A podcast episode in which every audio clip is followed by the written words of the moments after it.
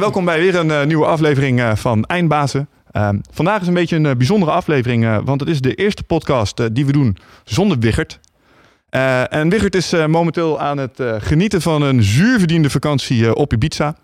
zoals we in aflevering 10 tijdens het bespreken van zijn ayahuasca-ervaring hebben besproken, heeft de beste man ongeveer 10 maanden op kantoor gewoond. En dat gaat niemand in de koude kleren zitten. Dus um, hij is nu heel verstandig even aan het bijtanken. Uh, Wigert, bedenk aan je. Uh, je bent er uh, in spirit in ieder geval bij.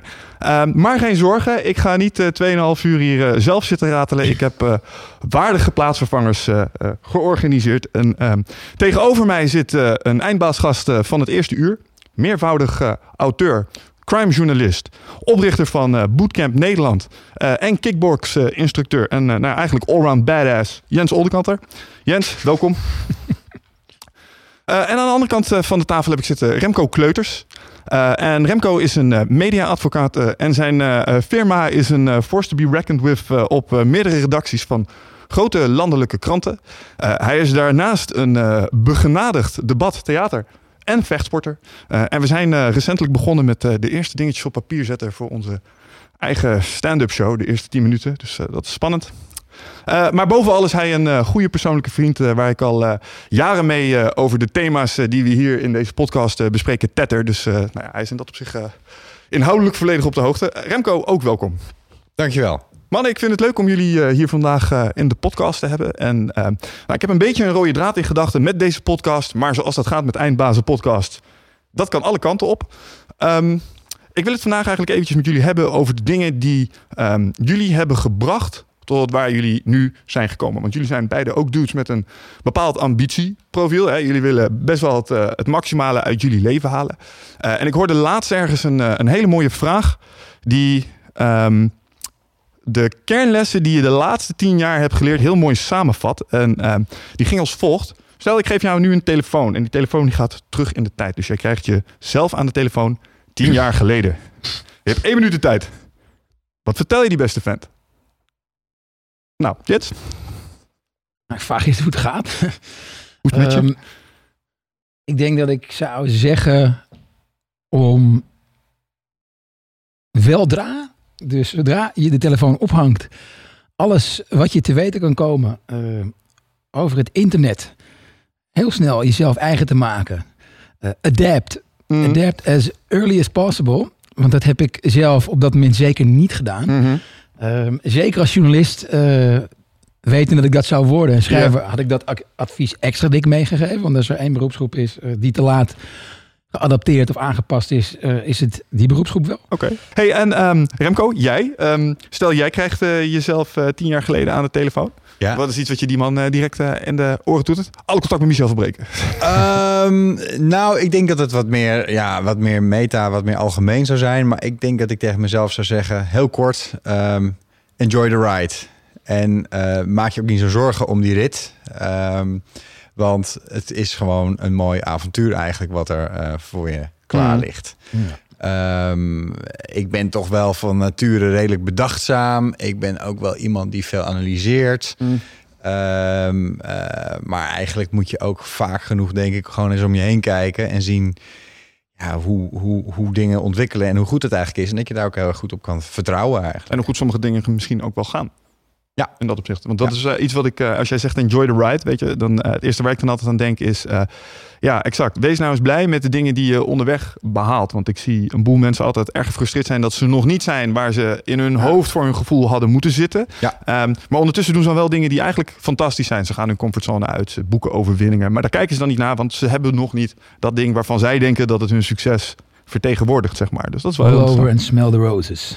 Ja, inderdaad. Zo af en toe moet je ook even stoppen van de omgeving genieten, denk ik. Het lijkt wel alsof mensen die dus hè, heel, veel, heel veel dingen voor, voor, elkaar willen krijgen, dat gewoon niet kunnen en maar niet kunnen stilstaan bij succes. Ja. En de anderen die niks voor elkaar krijgen, ja, die, die, die zitten maar te kijken naar ja, dat doel en zou ik het ooit een keer halen.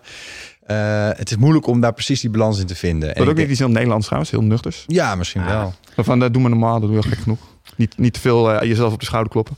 Ja, ik weet niet of ik dat geloof hoor. Nee, maar... Dat weet ik ook niet. Ik, ik, denk dat het in, als je over de grens gaat kijken, dat mensen met dezelfde problemen worstelen. Ik denk dat ze ook allemaal worstelen met de problemen van deze tijd. Want oh, ik had het net over adviezen aan tien jaar, mezelf tien jaar terug. Mhm. ik, ik zou ook zeggen van blijf ook in tegenstelling tot het advies wat ik eerst gaf van dat internet.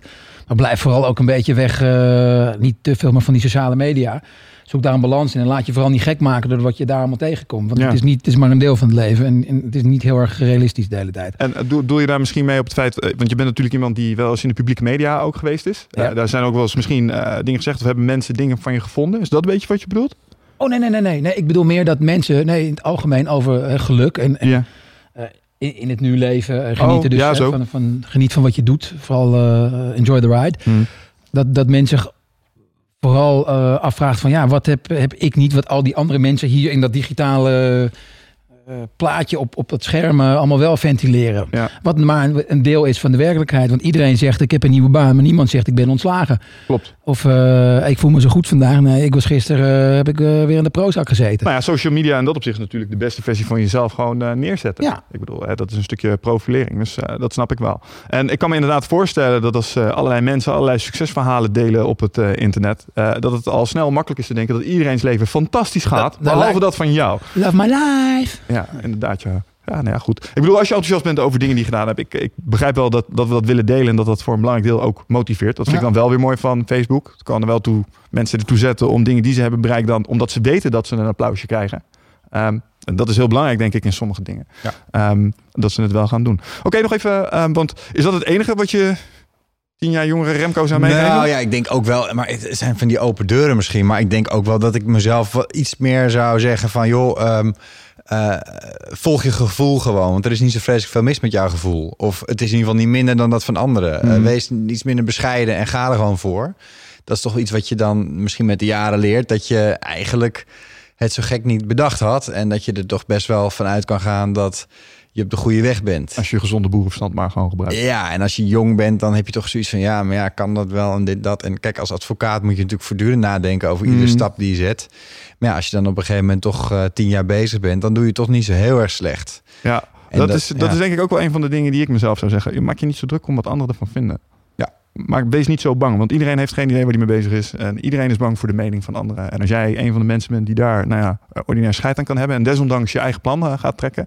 dan gaan er vanzelf dingen gebeuren. Want je ziet echt een heleboel mensen wachten op een soort bijna van goedkeuring van Ja. mensen om zich heen... om te gaan bewegen op iets. Dat is, het is juist zo leuk als je dat voor bent. Ja. Want dan lopen ze achter jou aan. Dan, heb, hè, dan, dan, dan ben jij ineens leidend. En dan, ja, ja, dan krijg je die bevestiging via die weg wel. Ja. Is dat een leukere bevestiging dan dat je ook eh, eh, koffie met boter drinkt? Ja. wat, eh, wat heb jij tegen koffie met boter? Niet veel, maar inderdaad. eh, stromingen, ja, god, je kunt ze volgen en soms zijn ze ook wel goed. Maar Ja.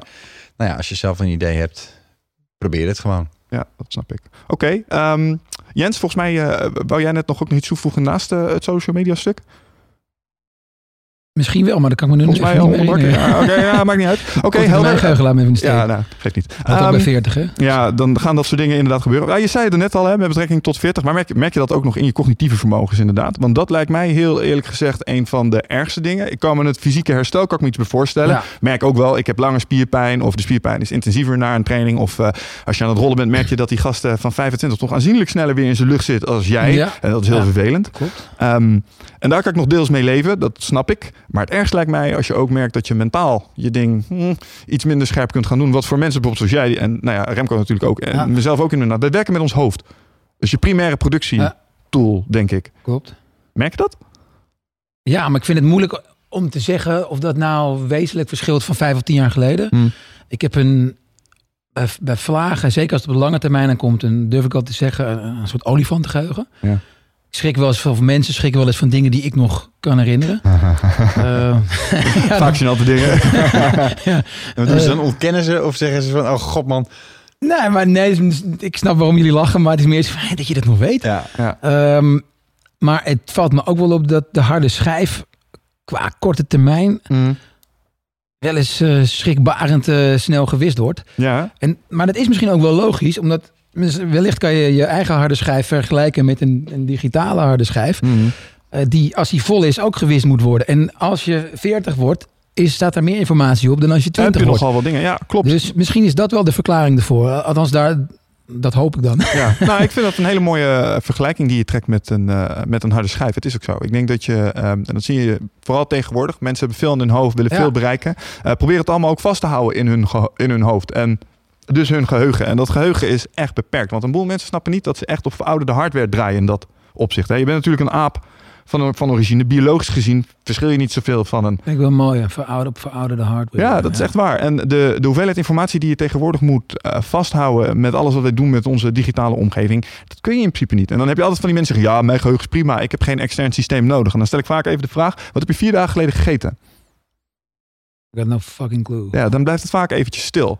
En dan snappen ze, oh, ja, misschien is dat geheugen voor mij toch niet zo waterdicht als ik dacht. Met Want- wie heb je gebeld eh met je vragen? ja, exact. En wat heb je afgesproken dan? En dat is een van de dingen waar ik mensen nog bij help. Met een systeem neerzetten dat dat allemaal regelt. Ik ben zelf een nogal neurotisch GTD'er. Dat staat voor Getting Things Done. Yep. En eh, dat is, ja, er zit een slachtoffer Ik aan de doe mijn overkant. best. Ja.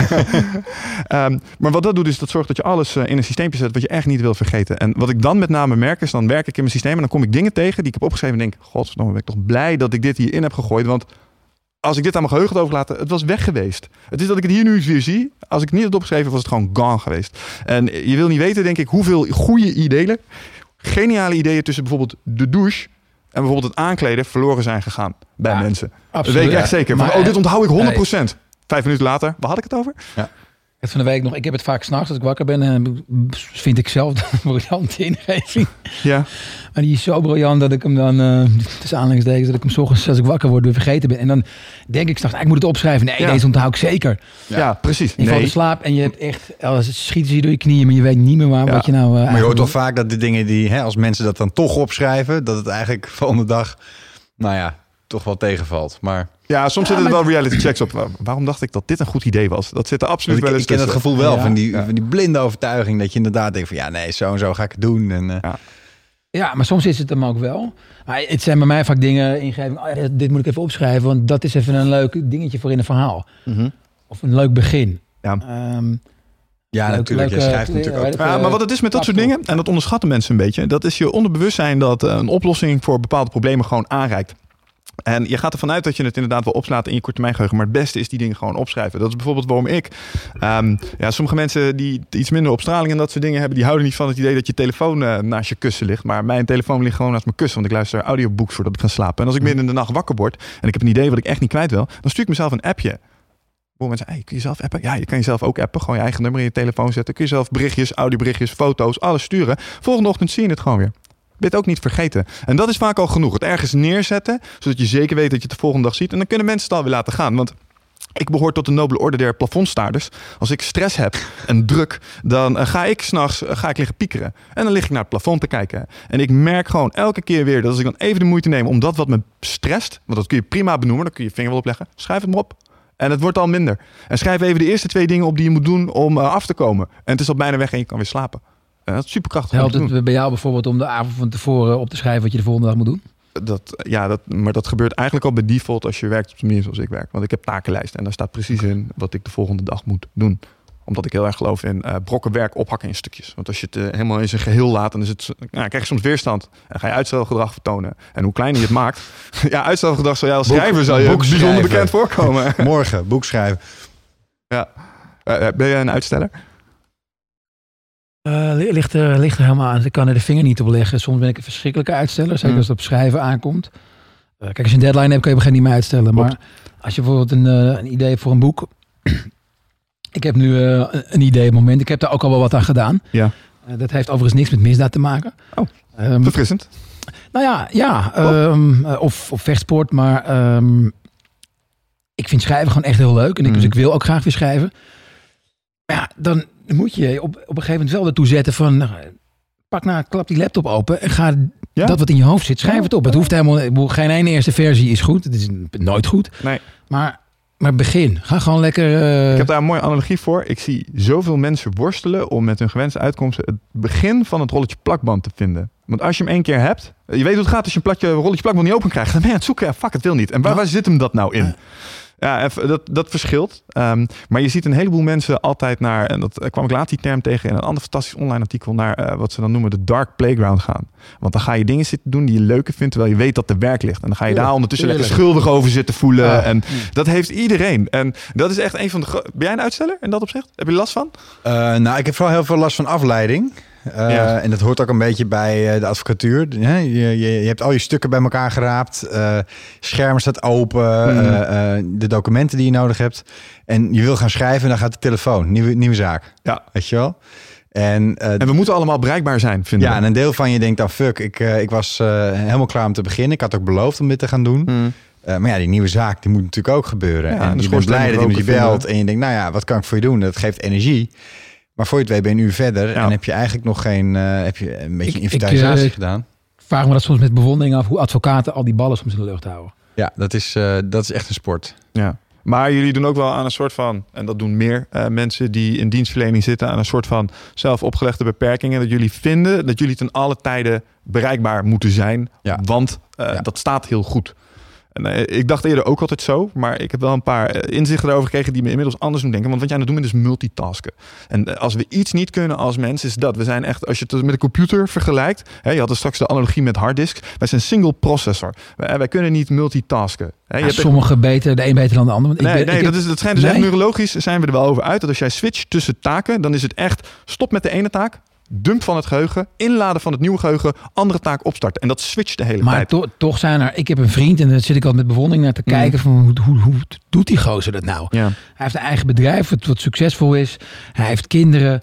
Eh, hij zit in die, die commissies. Dan zit hij weer daarbij. Wordt hij gevraagd. Doet hij ook nog. En doet het allemaal goed in, in Oh. onze optiek. ja, maar dat is iets Hoe, anders hoe dan... lukt het die knaap wel? Hij en heeft veel ballen in de lucht bedoel je? Ja. Ja, maar dat is niet wat ik bedoel met multitasken. Nee? Ehm, multi, veel ballen in de lucht hebben, dat, is, eh, dat, dat hoort denk ik bij het, ehm, nou ja, de moderne maatschappij wel een beetje. Want je hebt je werk, je hebt je privé, je hebt je vitaliteit, je hebt intellectuele dingen die je misschien wel wil bereiken, spir- spirituele dingen, geen idee. Het gaat mij erom echt tijdens de uitvoer van het werk. Waar Remco het over hard is, je zit op kantoor. Je bent klaar om aan het werk te gaan en die telefoon gaat. Ja. Op dat moment ga je steeds switchen van taak. Ja. Dat is wat ik bedoel met multitasken. Dus in het uitvoeren van je activiteiten. En ik dacht daar inderdaad ook altijd dat het goed was om je mail aan te hebben staan. En je telefoon op te pakken. En je WhatsAppjes te blijven checken als ze binnenkomen. Nee. Maar het ding is, je komt op die manier dus niet in flow. Maar dat, dat weet ik als schrijver natuurlijk al wel. Ja. Ik heb je vorige keer eh, het hier over gehad dat ik in Friesland met veel Ja. plezier zat. Nou, de reden dat ik daarheen ging was de fysieke rust. Mm, Maar ook ehm, het feit dat in die plek waar ik zat, er was geen internet. ja. Nou, dat was wel eens heel lastig. dat want als ik een keer een eh, YouTube-filmpje moest opzoeken of iets anders moest opzoeken voor onderzoek. Aha. Hè, was het nou eerst een linkse hoek of een rechtse low kick wat hij in die partij gaf. Eh, want ik heb die partij misschien wel gezien, maar ik heb het heus niet meer in de volgorde in mijn hoofd zitten. Nee. Dan was dat dus lastig. En dan hadden de overburen hadden internet en dan kon ik in mijn raamkozijn dat net pakken. Volgende keer Remco bellen. Die kent eh, de meeste Nederlandse hij wel Ja. gezien volgens mij. Maar goed, maar Eh, voor ja. de rest had ik eigenlijk altijd mijn telefoon uit. Ja. Of weggelegd. En dan Mhm. keek ik er één keer, ehm, nou, na elk uur bijvoorbeeld, keek ik even op. Ja. Ehm, of na drie uur. Maar dat is super sterk. Het feit dat je dat, Dat doet, is, echt dat is precies wat ik Ja. bedoel. Want dan komt je mentaal. eh, want hè, flow states, eh, voor mensen die dat, eh, die dat kennen, dat is die staat waar je in zit op een gegeven moment dat je aan het werk bent en je kijkt op je klokje en het is twee uur later. En je vraagt je af, waar is de tijd geweest? Ja. En je hele inbox is aan de kant en het ging echt van een leidakje. Ja. Dat is wat flow is. Je hebt het ook wel eens met sporten. Uh, kickboxers kennen het wel, dat je in de zone bent Ja. en dat het gewoon allemaal lekker gaat. En als je mensen scant die in die staat zitten, dus je legt ze in een MRI-scanner, dan zie je gewoon dat de hersengolven anders zijn. Het is een bepaalde mentale staat waar je in kunt zitten. En het switchen van taken, dus die concentratie uitkomen, verstoort dus telkens die mentale staat. En daarom is dat multitasken. Dus inderdaad, Ja, die telefoon oppakken Ja. is zo ongelooflijk slecht En voor het je. is ook erg eh, demotiverend op de een of andere manier. Want je, je voelt je dag eigenlijk wegdruppelen. Ja. Eh, eh, maar tegelijkertijd kan Zo ik er... herkenbaar weer. Oh man. Ik ik kan er eigenlijk, ja, nee, je hebt prachtige voornemens voor de volgende dag. En je, je gaat echt nu deze, deze zaak oppakken en die dagvaarding schrijven bijvoorbeeld. Nou, Ja. dan moet je echt een zaak eh, eh, van voor tot achter kennen. En je moet ook het schrijfproces in. Dus je moet ook nog de creativiteit hebben, de argumenten enzovoorts. Mhm. Ja, als je dan gestoord wordt door en eh, de WhatsApp en de mail en de secretaresse. En Mhm. er komt ook nog een collega binnenzetten. Ja, dan, dan kun je daar heel gefrustreerd van raken. En ik moet dus echt soms, soms moet ik echt inschatten: oké, ik ga nu dit stuk doen. Welke maatregelen tref ik? Ja. Nou, dus dat wat ik net vraag, die protocol, eh, is, bijvoorbeeld ook geaccepteerd is onder collega's, onder secretaresses. Van, Ja. maar weet nu gewoon, nu ben ik drie uur niet bereikbaar. Ja, maar het zal je verbazen hoeveel mensen dat niet durven te doen in hun omgeving. Dan, ja, maar, eh, want het sociaal En ze wenselijk... komen toch binnen, want ze komen zelf toch, ja. denken van... eh, ja, maar deze belt net. Eh, ik dacht dat je daar misschien... Want volgens mij ben je met die zaak bezig. Ja, opvoeder. zeg ja, godzijdank kom je binnen. Want die wou ik inderdaad spreken. Ja, oké. ja, dat zijn, maar dat zijn ook situaties. Klopt helemaal. Maar desondanks, ik raad de meeste mensen wel aan. Want dat is met name als je veel achter een bureau werkt en je hebt veel mail in je werk. Dan eh, hebben de mensen hebben de mailclient aanstaan bijvoorbeeld. Nou, wat gebeurt er dan? Je hebt tegenwoordig van die fantastische mooie notificaties die vertellen dat je nieuwe mailtjes hebt. Dat haalt je alleen al uit je flow. Dan ben je in je documentje. Plum, komt zo'n mooie blauwe notificatie rechts onderin. Ja, dat is funest. Zet gewoon je mail uit. Zet je telefoon uit, leg hem op de kop, ga offline. En ga desnoods even ergens anders zitten. offline je- die 3G of 4G uitzetten en je Vliegtuigmodus. al, die, al die berichtjes. Ik heb eh, sinds kort even een reservetelefoon die, Hmm. eh, waar ik dat niet op heb ingesteld. Misschien ook wel bewust, bevalt Beademing denk ik, of niet? zo goed. Ik heb dus niet al die, die social media dingen, geen Twitter, geen Hmm. Facebook, eh, geen mail. En dat, dus ik, ik moet op mijn mail kijken. Eén keer in de zoveel, nou, twee keer per dag of zo probeer ik dan te doen. En dat is echt prettig. Ja. Dat werk geeft zoveel meer rust. En ik ben net even een weekje weg geweest. En had ik met mezelf afgesproken een week geen social media. En dat is echt een verademing. Ja, dat Top. Je mist niks. Je voelt je alleen maar beter. Ja, want dat is het ook. Hè. Je hebt het gevoel dat je eh, ook moet participeren. Want iedereen doet het per slot van rekening. Ik kan me voorstellen, zeker als eh, auteur en mensen die eh, hun werk in de openbaarheid willen brengen, hebben vaak ook het gevoel dat ze wel online moeten zijn om erin mee te gaan. Maar weet je wat het Ah. is? Al ga Als je, als je iets belangrijks hebt, dan komt het wel bovendrijven. Dat denk ik dus ook. Ehm, het is helemaal niet belangrijk dat ik op vakantie ben. En niet hoe en met welke vliegmaatschappij. En of ik met de KLM vlieg of niet. Want ik zie soms de grootst mogelijke onzin voorbij komen. En ik echt denk van wie, boeit dat nou? Ja, dat. En Klopt, eh, wat ja. het ook vaak is, is met mensen die dan met name aan het, eh, eh, aan- iets aan het opbouwen zijn. Die hebben het gevoel dat ze daarmee echt aan de weg aan het timmeren zijn met social media. En dat is iets dat zij. Ja, dat, dat kan ook wel. Jawel, je kan wel stappen maken, maar misschien is het beter om je aandacht en energie te richten op daadwerkelijk het leveren van je diensten en je producten beter maken. We hadden hier laatste Jos Burg gezet, die zei dat ook. Vaak zie je mensen die gaan starten, website helemaal mooi, marketingmateriaal perfect, kaartjes voor elkaar, maar onder de streep geen klussen. Eh, en hij zegt, nou, misschien kun je beter dan je energie steken in klussen om niet doen, zodat je ambassadeurs krijgt. En laat die kaartjes en die rommel allemaal maar zitten, want onder het eind van de maand heb je in allebei de gevallen niets. En, gewoon aan de ehm, slag. Ja. ja. en social media is ook nog wel. Ja, ik heb eh, in ieder geval op social media dingen gezet. Nou, ik denk ook nog wel dat, en dat merken we met Nutrofit ook wel. eh, het helpt absoluut de interactie met je publiek, maar het is ook niet. Daar gaat het niet. eh, daar gaat het niet van afhangen. Nee. dat gaat het niet maken of breken. Nee, dat, die dat kwaliteit in de eerste plaats. Exact. Het, het overdeliveren. Het, Je kan, het, je kan het paard duwen, maar niet, niet trekken. Ja, exact. En wat social media nog wel eens is, dat vind ik een mooie van Wichert. Je moet actie niet verwarren met voortgang. Het, het ziet er heel actief Ja. uit, maar het is dat is eigenlijk mooi. geen stap voorwaarts. Echt, weet je, je bent jezelf aan het bezighouden. Weet je wat eh, met trainen, wat ze wel entertainment noemen? Weet je, het is niet echt trainen, het is bewegen. Ja, hebben we ook nog over gehad vorige Ja, keer geloof ik. ja. Oké. ehm, dus dat inderdaad over eh, nou ja, de afleiding op het werk. eh, en dat soort, ja, ik vind altijd dat je daar wel ehm, eh, het hef in eigen hand mag nemen. En daar dingen zo mag organiseren dat je er minder last van hebt. Want dan word je inderdaad gewoon productiever. Maar we kwamen hierop inderdaad door weerstand. Ehm, hè, dus door uitstelgedrag en dat Ja. soort dingen. Daar hadden we het over. Zijn we eh, uitstellers. Ehm, en dan zie je toch ook wel een, eh, een boel mensen eh, mee worstelen. Maar wat ik dan inderdaad altijd merk is dat als je dingen op dat papier zet en je maakt het zo klein mogelijk, dat weerstand ook daadwerkelijk kleiner wordt. Ik trick mezelf wel soms eens om werk te gaan doen. Dan heb ik eigenlijk geen zin. Dan wil ik naar die dark playground waar we het over hadden. En dan denk ik, nou weet je wat, ik doe tenminste twee mailtjes. Want dit zijn de belangrijkste mailtjes van de dag. En als ik die dan in ieder geval maar gedaan heb, dan Ja. kan ik zonder schuldgevoel kan ik dit gaan doen. En dan doe je die twee mailtjes. En denk je, ja, voelt eigenlijk wel lekker. Dit gaat goed. Ik kan het met drie en vier ook nog even doen. En voor je het weet, ben je aan het werk. Maar je moet jezelf soms een klein beetje lokken. Anders voor je het weet, zit je een uur, zit je... Eh, heb ik wel eens gehad. Ben ik uur ben ik eigenlijk niks productiefs aan doen. Zit ik alleen maar te mokken dat ik moet werken. Had ik, eh, had ik net zo goed dingen kunnen doen natuurlijk. Dus nou ja, goed. Ik denk dat... eh 80 tot 90 Ja, com- van de werkbevolking daar wel echt... Het eh, probleem is ook een beetje met die computers en internet vooral. Ja, Afleiding is eh, overal. Werk, werk en, en privé gaan ook zo dicht op elkaar Dat zitten. Dus het is ook te makkelijk om nog een privé-mail erbij te Mm. pakken op je werk. En voor je het weet ben je een vlucht aan het boeken of een vakantieadres aan het uitzoeken. Eh Maar vraag om moet hoeveel, ook eh, allemaal gebeuren. Maar hoeveel uur werk jij in de week? Ah, dat vind ik zo'n moeilijke vraag. Ja, maar jij, ik, ik denk dat jij wel iemand bent. Ik weet dat jij wel iemand bent. Die ook gewoon eh, prima buiten de klassieke werktijden gewoon nog aan het werken is, toch? Ja, gewoon ook ja, thuis ja, zit je gewoon nog te mailen. Zit Ja. je dingen te maken. Ja, en, en, en mijn moeder zegt altijd: Jeetje, zeven uur ben je nou nog niet thuis. Mhm. En eh, wat zij niet begrijpt is dat eh, voor mij werk is niet 9 tot 5 eh, eh, mijn ding doen. Dat lijkt me verschrikkelijk. Voor Ja. mij is het iets wat inderdaad doorloopt. En eh, juist omdat je zoveel smaken van eh, actie hebt. Hè? Dus je kunt een dagvaarding schrijven, maar je kunt ook nog eens een cliënt bellen. Hè? Van hoe is het ermee? Eh, Mhm. Weet je van deze ontwikkeling? Of je kunt een artikeltje schrijven voor een, eh, voor een platform online. Al dat soort dingen zijn verschillende smaken. En, en, en ja, die lopen gewoon door. En die kun je niet allemaal in een 9 tot 5 baan proppen. Dus, dus alles wat meer te maken heeft met ontwikkeling, groei, naamsbekendheid. Ja, die doe ik er eigenlijk een beetje omheen. En dat loopt door. En het is een soort van. Ja, dat, dat, dat wordt aangestuurd vanuit een ambitie of vanuit een gewoon een soort van roeping, roeping van, nou, ik vind dat prettig om ermee bezig Nou, te zijn. zeggen, ook een want- stukje plezier erin gaan. Ja, echt wel, echt ja. niet. Lekker aan de weg gaan het thema. Je moet wel je passie aan het werk zijn, zeg je daarmee. Je hebt heus mensen die ehm, buiten hun passie aan het werk zijn en heel hard aan het werk zijn, omdat dat ja, project voldoet aan het plaatje wat ze zeg maar ideaal voor ogen hadden. Eh, en die werken vast heel hard, maar ik denk dat het makkelijkst is vol te houden. Buiten de reguliere werktijden om als je ook echt het heel tof vindt wat je doet. Ja. En dan word, je ja. nog steeds wel eens helemaal doodziek van het feit dat je op, op, op zondagmiddag binnen in je hok zit eh, te tikken. Ja. Terwijl het mooi weer is en de rest op het strand ligt. Ja, heb je wel eens, ja. En de vraag is ook echt, wat is nou hard werken? En volgens mij is hard werken een heel relatief begrip. Ik bedoel, je kunt zeggen, ja, je zit al zoveel uren achter het scherm... of je zit na te denken, of je bent weet veel, ergens mee bezig.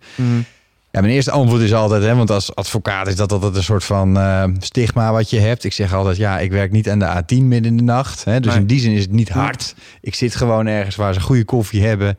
Ja. En, eh, Mooi in ja, je pak zit. Ja, Joh, en ik heb nog een te mooi pak aan voor, voor twee hoog inderdaad ergens binnen. Het slaat nergens op. Maar dus in die zin is het niet hard. Ehm, eh, maar volgens mij is hard werken een baan die je eigenlijk net niet aan kan. Maar waar ze wel heel veel van je verwachten. Mhm.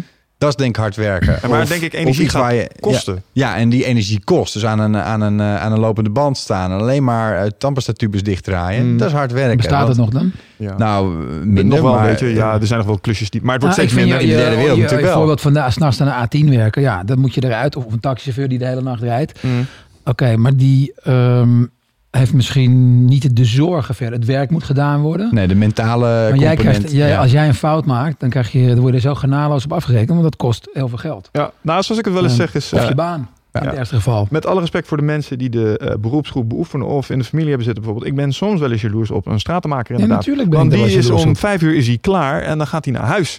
En dan is het mooi geweest. En Ja. volgende dag gaan we weer straat leggen. Maar als ik naar huis rijd, dan ben ik nog steeds bezig met die escalatie. En als Ja. ik op bestuurlijk niveau eh, mijn oren gewassen heb gekregen, dan zit ik de hele avond zit ik in zakken aas. En dat stopt niet. En morgen moet ik verdomme weer eh, die mensen onder ogen Ja, en jij denkt misschien, ja, ik wil niet de hele dag stra of, tegels in de straat slaan. Maar misschien is diegene daar eh, ontzettend Gelukkig tevreden en mee. Ja, gelukkig mee. Ja, de dan- beloning, en dat bedoel ik niet eens zozeer financieel, maar de beloning is ook gewoon een stuk groter. Op het moment dat jij die cliënt aan de lijn hebt, en het gevoel, die het gevoel heeft van ja, ik kom hier niet uit, ik weet niet, maar ik schijn jou te moeten hebben, Mm. help mij. Nou, dan gaat er bij mij hè, gaat er echt iets, iets gloeien en dan ga ik ermee aan de slag en dan ben ik een maand later klaar met de zaak en dan is het gewoon goed gegaan.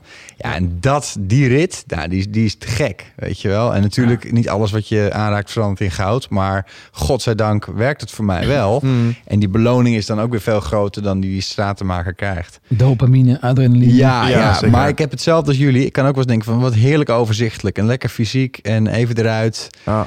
En eh, gewoon eendimensionaal, met alle respect natuurlijk, maar Ja. Je Ja, dingen het is doen en weer naar huis ja. en op de bank. En er zit iets wat, eh, wat je echt mist op het moment dat je het weggaat. Ik heb eh, vroeger echt een diversiteit aan allerlei bijbaantjes gehad om maar eh, een beetje bij te snabbelen. En een van de dingen die ik heb gedaan is in de achterlanden van Oost had je een camping en daar ben ik terreinknecht geweest. En dan moest je in de uiterwaarden van de IJssel moest je dingen doen als scheulen graven, omdat anders campings overstroomden. Zo en, sterk van geworden. hè. nou, gewoon boeknul. En, maar echt maar, als je zo'n dag werk achter de rug hebt, Helemaal top. dan voel je toch. En je eten, jongen. Echt, je hebt nog nooit Ja. zo lekker gegeten. Want eh, je- fysiek, je lijf heeft het ook gewoon nodig. Eh, ja, je hebt eh, hard days work erin. En dan is eten gewoon een van de beste dingen die je kan doen. En je slaapt ook gewoon heerlijk. En dat, en dat is op zich. Ook Ik mis dat wel eens. Ja. Ik heb in Friesland een tijdje op een boerderij gezeten. En met een, hadden een kamer te huur. En daarnaast was gewoon, ja, er waren alleen maar boerderijen. Ja. En die boer die stond elke ochtend om, weet ik veel, zes uur zijn schapen, zeg maar, ja, te hoeden, hoe noem je dat? Ja. Eh, ja, wat doen ze met schapen? ehm, te drijven. ja. En smiddags deed hij dat weer op een gezette tijd. En aan het eind van de avond, als de zon onderging, deed hij het nog een keer. Mm. Dan gaf hij ze allemaal te eten. Want ja, deze man moet het waarschijnlijk wel zeven dagen per week het hele jaar door doen. Ik denk dat hij nauwelijks tijd heeft om op vakantie te gaan. Ja. Die moet dan de, de zaak Ik denk dat dat een zwaar bestaan Dat is. is echt een zwaar Ja, bestaan. het is Maar het is wel, Ja. het is wel mooi. Het is, het is in de natuur. Het is Mm. eerlijk. Het is echt. eh, en er is regelmaat. Ja. Maar het is wel, het is wel bikkelen. Ja, dat denk ik ook wel. Nou ja, in fysieke zin. Maar ik denk dat eh, sowieso de agrarische sector het lijkt. Ja, alhoewel ik weet niet wat waar is trouwens. Want boeren schijnen ook nog wel redelijk goed kunnen vinden. Het leek mij financieel nooit zo'n heel interessant Ja, ding. Er zijn boeren die, eh, Die het goed doen volgens mij. doen, ja. volgens mij ook wel. Oké, helder. Hey, en ehm, nou ja, uitstelgedrag, nu wel het nodig over gehad als het gaat om fouten die we onszelf nog wel eens zien maken. Want ik vind het ook altijd leuk om te kijken naar de dingen die ik. Remco en ik hebben onder- onlangs een afspraak met elkaar gemaakt. dat wij elkaar een beetje op de hoogte houden van dingen die er. het is heel leuk om te praten over dingen die goed gaan. Dat Ja. doen we ook absoluut. Delen we met elkaar. Wij eh ego-wallen wel eens naar elkaar. We hadden het er straks over een eh, publiekje hebben. Ehm, soms is het heel fijn om een, al is het een heel klein publiekje, soms even iemand iets te kunnen vertellen dat je iets goed hebt gedaan. En dat iemand Ja. dan even zegt van, hey, klasse, En goed gedaan. elk Ja. mens heeft schouderklopjes nodig. 100%. Nou, wij komen ze gewoon bij elkaar halen en dan vertellen we van, hey, dit ging goed en dan weten we wel een beetje wat En dat eruit zijn de kleinste dingen soms. Ja, maar juist vanuit het triviale idee... zaken. Hè? Maar we Ja. hebben daar recentelijk aan toegevoegd, ehm, wat ging er vandaag nou echt kut? En wat gaat er nou de volgende keer echt gebeuren om dat te voorkomen? En ehm, ik vind altijd, specialisten zijn mensen die alle fouten op een heel klein stukje al hebben gemaakt. Fouten maken is echt wat je nodig hebt om vooruit te komen. Ja. Dus naar je fouten kijken is heel sterk. En dan ben ik altijd wel even benieuwd bij mensen, eh, wat is nou echt een fuck-up die je recentelijk gemaakt hebt? En wat was eigenlijk de les die je eruit hebt geleerd voor jezelf? Ja, is ook een gemene vraag, maar er zijn misschien dingen die daarbij komen bovendrijven. Ik eh, kan er nog wel eentje delen van mezelf. Om, dan kunnen jullie er ondertussen even over nadenken. Ik heb laatst een eh, fout gemaakt door iemand te beoordelen op zijn uiterlijk. Ehm, daar waar dat bij mijzelf ook nog wel eens gebeurt. Nou, als je mij gewoon in deze outfit zet, dan kun je gewoon prima een normaal gesprek met mij hebben. Maar als ik naar de sportschool loop en ik loop met mijn hoodie en mijn muts op, ehm, nou, dan heb ik een andere uitstraling en merk ook gewoon dat mensen anders met me opgaan. En recentelijk kwam ik iemand tegen en die begon een praatje met mij. En die had ook net als ik een hairline handicap eh, en een trainingsjas aan. En ik merkte in mijn hoofd dat ik hem echt in een hoekje duwde. Ik denk van, oh, dit is er zo één. Ehm, maar achteraf bleek, ehm, en ik ben recentelijk eh, bij hem langs geweest... en als hij luistert, hij weet wie die is... heb ik echt een fantastisch inspirerend gesprek met die gast gehad. Hij is ook gewoon zelfstandig ondernemer. Hij doet echt eh, fantastische dingen die ik ook doe. Maar ik veroordeelde hem in één oogopslag... in een hele andere categorie. En als ik daarna gehandeld had... had ik waarschijnlijk dit leuke contact er niet aan overgehouden. Nou, dat is wel echt een... Maar dat heb je best wel een gelukkig niet gedaan. Wat zeg je? Dat heb je gelukkig Nee, ik ben er uitgebleven, maar ik merkte het wel aan mezelf. Ik vond, hé, dat was niet terecht wat je daar deed. En interessant dat je het toch deed, ondanks dat je zelf ook wel eens zo bejegend wordt. En dat voelt ook niet altijd oké. Dus kijk ook naar jezelf. Hij die zonder zonde is. Hm. Nou, dat was de mijne. Rem.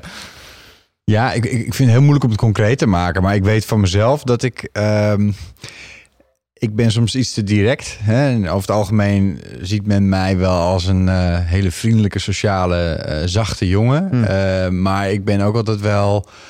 ik, ik praat soms sneller dan ik denk. Ja. Eh, dus ik kan af en toe mensen echt vanuit het niets een soort rechtse geven. Dat ze echt denken van waar komt dat nou weer vandaan? ja. Ehm, ik denk dan eigenlijk van ja, sorry. Een soort verbale sucker punch. Ja, een beetje wel. En, en dat is dan eigenlijk niet wat ik wilde. Mhm. Eh, Dus, ja, nou ja, een collega of een familielid, gewoon eens even. En dan, dan merk je dat het stilvalt. En dan denk ik, ja, Rem, dat had je ook even anders eh, misschien kunnen aanpakken. En dat is wel een, een, een zwak punt van mezelf. De, Ja. verbak- de verpakking doet, het, doet er echt Doet door. er wel toe. Ja, zeker. Eh, maar ik denk dan ook wel van, nou ja, hè, mensen komen er wel weer overheen. Oh ja, nou zachte, ik geloof ook wel in Ik zachte, heel de meeste stinkende wonden. Soms moeten mensen gewoon ook even verteld worden hoe het ervoor staat. Want ehm, ik geloof natuurlijk wel in directe feedback. Dat is natuurlijk ook een van de dingen die, eh, eh, die we gaan. Soms moet je dingen horen van jezelf die gewoon niet oké zijn. Ehm, ik heb op een gegeven moment eh, drie mensen in mijn omgeving, Remco was er één van, gewoon gevraagd, schrijf nou eens een keer op wat echt dingen zijn aan mijn persoonlijkheid. We zeggen, Mies, moet je nooit meer doen. Het is gewoon kloten. En dan krijg je dingen terug die je gewoon niet verwacht. En waarvan je dacht dat je het eigenlijk best wel oké en waarbij je het best wel goed doet. Sommige dingen verwacht je ook wel, zoals mijn spraaktempo. Dat is er eentje, dat we natuurlijk allemaal wel een beetje. Ik volg je uitstekend. Hoor. Ja, nou. Als ik enthousiast word, dan sprint ik nog wel eens weg. Eh, Ik probeer het eh, in te dempen. Ehm, maar mensen leren wel door dat soort feedback. Dus dat soort eh, directheid, ja, Ja. het kan ze ook ongelooflijk helpen Ja, en natuurlijk. de vorm zeg je terecht. Ik, ik, ik ben ook, ehm, ik, ik kan zoiets dan gewoon in een mail gooien. Mm. En, en dan, dan denk ik niet na over, ja, hoe is het dan om dat eens ineens te lezen als het om iets persoonlijks Ja, gaat. en denk je niet dat... want als ik met jou praat en ik krijg een berichtje van je... ik kan me de intonatie er enigszins bij voorstellen. Ja. Maar dat is natuurlijk wel echt iets wat in, eh, eh, in het geschreven woord wel volledig eh, verloren gaat. Want je kan, nou, laat ik het zo zeggen, ik heb wel eens eh, situaties gezien waarbij mensen iets zeiden op de mail. En ik denk dat ik wel begrepen had hoe die het bedoelde. Maar zo werd het duidelijk aan de andere kant niet zo opgevat. Want alle non-verbale communicatie is er gewoon helemaal bij weg. Mails om te informeren, Ja, dat- niet om te communiceren. Ja. Mm, Nee, dat, maar dat wordt ook wel eens gedaan. ja, en dan krijg je vaak eh, misverstandjes. Ja, maar aan de andere kant is het goede van een mail. ook weer dat je erover na kan denken. Dus Mhm. als je verstandig bent, en ik ben dat niet altijd, Wie ik dan? moet meteen even aantekenen. ehm, schrijf je hem, Mhm. zet je hem in concepten.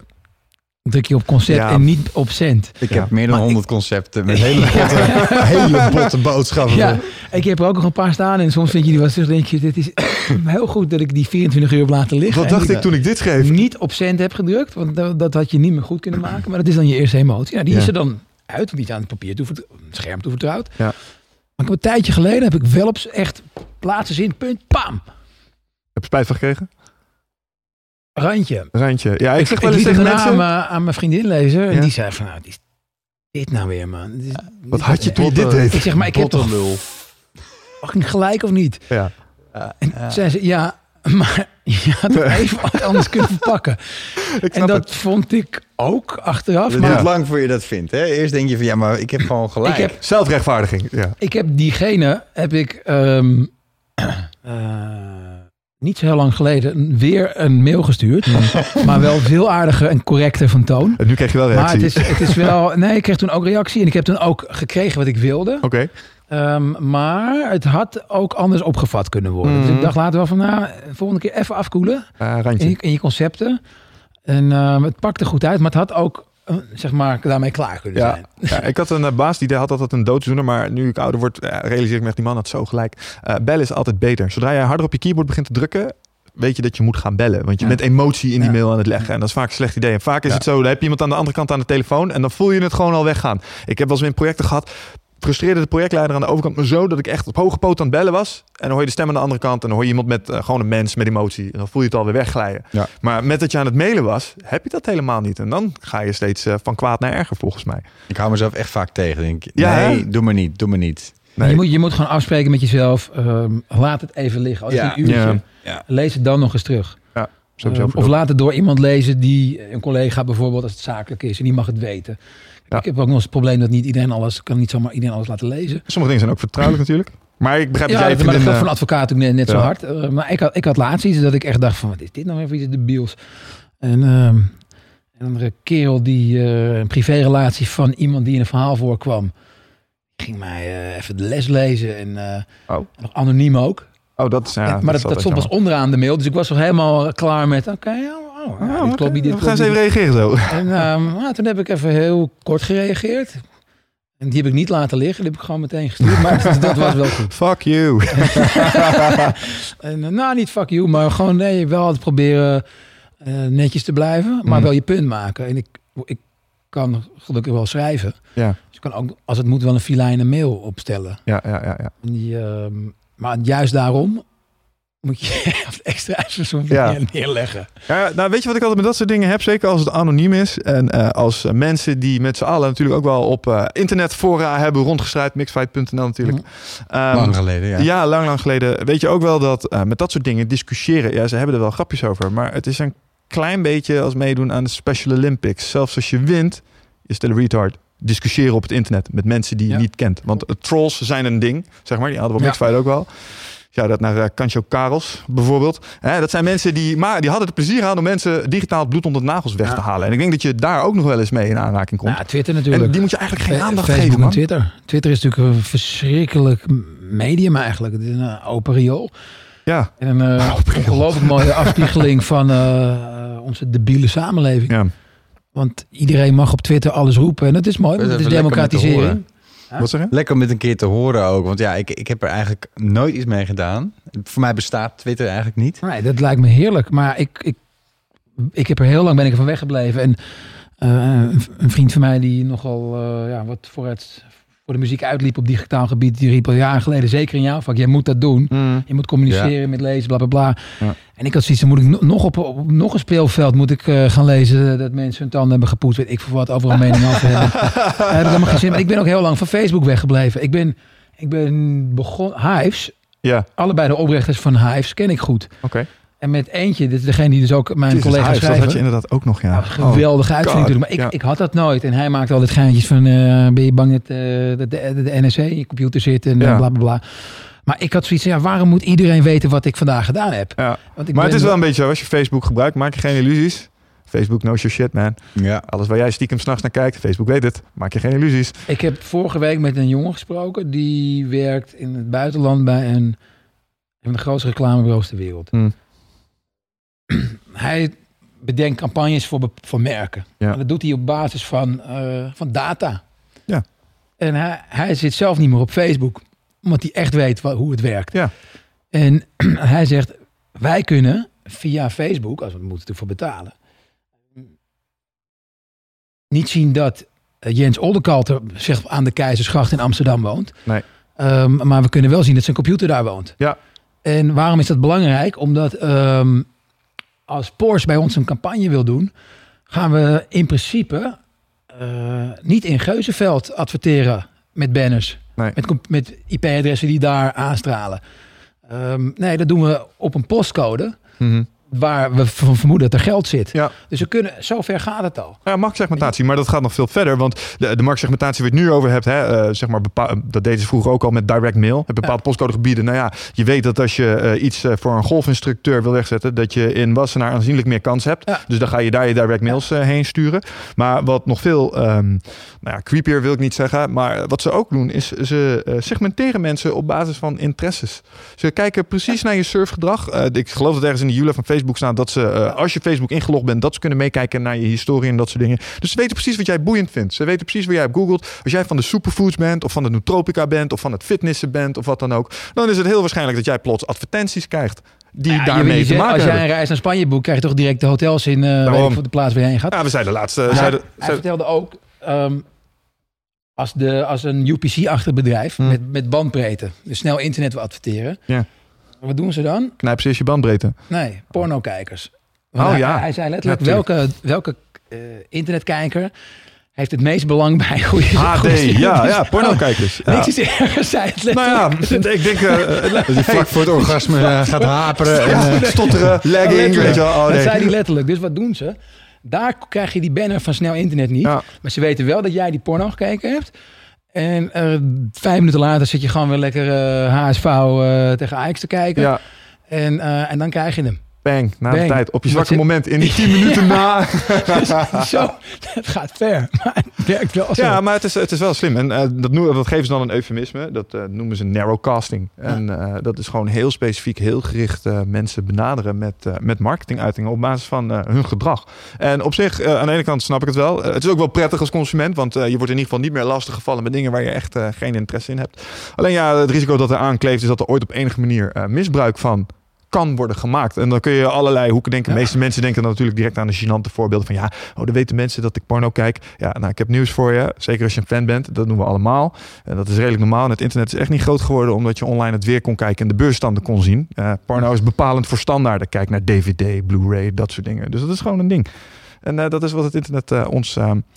Eh, wat het Ja, maar ook misschien eh, heb jij een voorkeur voor eh, midget seks en weet Ja, niet dat maar, eh, dan, iemand maar dat dan nog, weet je. Ehm, maar waar je, dat, zou een, eh, dat is dan het risico waar mensen vaak aan denken. Maar wat nog erger zou kunnen zijn, is bijvoorbeeld, en dan kom ik bijvoorbeeld bij verzekeringen uit. Eh, als jij bijvoorbeeld vermoedt dat je iets hebt, bijvoorbeeld je hoest veel en je Ja. gaat googlen Ja. op iets. En je bent veel op longkanker aan het googlen. Ja. Dat dan, en jij gaat een nieuwe verzekeringspolis sluiten. Dat je dan ineens in een risicoprofiel zit en dan zeg je, ja, dat kan wel. Eh, en uw tarief bij ons is zoveel. Ja. Terwijl als ik zonder zo'n zoekgeschiedenis bij je kom, dan is mijn tarief ineens anders. Snap je? Ja. En als dat soort dingen mogelijk dan worden, dan moet je zeggen, ja, afvragen. dat was mijn ex-vrouw die op mijn computer zat. eh, het probleem is ook een beetje... Dat krijg je dan, oh, ja, Ja. 100%. Het probleem hier is ook dat er is wel wetgeving. Hè? Dus eigenlijk kan dit niet. Eh, medische Hmm. gegevens zijn bijzondere persoonsgegevens. Daar heb je een extra streng regime voor. Nou, een IP-adres is een persoonsgegeven. Ja, maar zoekopdrachten Dus worden, ja, oké, maar zoekopdrachten worden vrij vergeven. En eh, daar zit hem in. Als ze mijn EPD hacken of eh, ze kijken zonder mijn toestemming in mijn medisch dossier en gaan op Mhm. basis daarvan gaan ze dat soort dingen doen. Wow, dan hebben we volgens mij een Nee, verhaal te pakken. Ja, heb je een verhaal te pakken, maar je moet je er eerst achter komen. Ja, dat is waar. Kijk, ehm, ik Maar dat wordt wel redelijk gelogd. hoor. Ik heb natuurlijk dat soort systemen gebouwd. Elk zichzelf respecterend elektronisch patiëntdossier heeft dingen als een eh, uitgebreide logging en dat noemen ze dan een break the glass procedure. Als jij geen behandelrelatie hebt met een patiënt, Ik kom bij, jij komt bij een arts hier in Deventer en je zegt ik ben Jens Oldekatter en ik wil penicilline. Dan kan het zijn dat ze jou een dossier opvragen. Kunnen ze al een beetje. Maar als jij geen behandelrelatie hebt met die arts hier, dan moet hij wel expliciet aangeven ik heb geen behandelrelatie. Wordt dat vaak weggeschreven in een logregel. En dat heeft zuiverende werking op handelen, is dan wat ze zeggen. Dus het is op zich wel redelijk geregeld. Maar wat een boel mensen zich niet realiseren, is dat medische informatie die bijvoorbeeld in Amsterdam vertoeft, die kan al redelijk makkelijk worden ontsloten hier naar het oosten des lands. Daar hebben we helemaal geen EPD voor nodig. En dat is dan wel eens interessant met die hele discussie over EPD's. Dan doen ze allemaal poeha. Konden ze stiekem al lang. Maar stel nou, je gaat als journalist een kritisch verhaal, echt kritisch verhaal, een schadelijk, een schadelijk Een- potentieel, een- ja, een schadelijk offensief verhaal over schrijven. Vodafone, UPC of Google of Facebook. Ja. Ja? Kijk even wat deze gasten met jou kunnen doen. Ja, Als je wat te verbergen hebt. nou, ze kunnen je behoorlijk te kakken zetten Ja. ja. als, ze, als dat zouden willen. Ja, dat denk ik ook wel. Eh, maar dan, eh, kijk, ik denk dan altijd, eh, stel dat het zou doe, gebeuren. het, doe het lekker. Ja, ik wou Ja. zeggen, en daarna verlies je al je, al je klanten. Ja, ik kijk porno inderdaad. Ja, En, nou, succes. En ik download ook wel eens iets wat niet mag. Weet je, succes ermee. Nagel me maar aan het kruis. Maar ik garandeer dat als je dat publiekelijk doet, dat al je klanten zeggen: Oh, dus die club kunnen we niet vertrouwen. Wij gaan hier weg. 100%. Want dan gaan ze wel naar. Want dan krijg je reclame plots van de jongens van bijvoorbeeld van Access for All. Die weigeren om aan dat soort dingen eh, mee te werken. En dat wordt dan plots een USP van ze. Ja. Weet je, Ja. eh, wij geven nooit de gegevens aan de overheid. Maar ik zeg, kom bij ons. Staat binnen no time op zoiets. Want het is het internet. Je kan proberen om het te onderdrukken, maar het vindt toch altijd wel weer een andere plek. En het gaat dieper ondergronds. En dat is niet uit te roeien. Oké, helder. Ehm, volgens mij hebben we het daarmee wel een klein beetje gehad ook over jouw fout. Want we hebben weer een zijsprong gemaakt. Eh, maar de originele vraag was, wat waren nou fouten waar we eens tegenaan zijn gelopen? Nou, we hebben die van Remco gehad. Dat was een behoorlijk directe. Ik mijn de mensen die beoordelen op uiterlijk. En dan kijk ik even weer naar Jens. Nou, ja, zo'n mail is natuurlijk een, de- een detailvoorbeeld. Ja. Ehm, Oeh, ik heb er genoeg gemaakt. Ja? Ja, hoor. blunders. Zijn er blunders met name waar je nu nog wel eens aan terugdenkt? Oh, die was echt tenenkrommend. Nou ja, eentje, waar krijg ik, daar krijg ik echt het- nog steeds het angstzweet van onder mijn armen. Ja, ik heb er ook een paar. Ehm, dat is gelukkig goed gegaan. Het wordt bijna saai, want ik was weer in Friesland. Ja, Eh, sorry. Ehm, aan het boek over Badder. En toen stuurde ik een berichtje via Facebook. eh, maar half slapend. Op, op, ik ging smiddags wel eens een middagdutje doen. ja. Is trouwens erg goed om te doen, hè? Heel goed om te Naps, doen. Dat naps. was echt lekker Perfect. Zeker als je wat ouder wordt. Helemaal goed. En ik dacht, oh ja, ik moet dat meisje nog een... Nou, de eh, luisteraar denkt, dit zijn dat en dat meisje moet ik, een, moet ik een, een berichtje sturen. Ja. Ehm, dus dat doe ik. Ik, ik, eh, ik stuurde het wel. Ik, ik had de nummer niet, dus ik eh, benaderde via Facebook. Hm. En ehm, ik stuur letterlijk iets van, joh, kan ik, heb, ik heb dit, en dit, dit gehoord, ehm bla, bla, bla, bla, bla, iets met Badahari. Hm. Kan ik daar eens met je over praten? Alleen, ik durf het bijna niet te zeggen, maar omdat het op de telefoon was, Ja. een bericht. Ik zet het dus gewoon als bericht op de wall. Oh, fuck.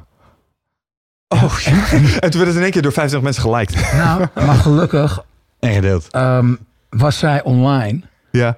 Maar zij kreeg het niet snel onderweg. Dus zij, zij appt en belt mij tegelijk. En van gast, gast. Ja. Want ze had mijn nummer kennelijk wel. Of nee, nee ze heeft mij, nee, ehm, ze heeft mij ehm, via Facebook toen meteen terug. Haal dit weg, haal dit weg. En ik Ja. denk, hè, Heb je het over? heb je het over? Maar ik was, was half goggy. En in één keer zag ik het. En ik zat in mijn onderbroek. Ja.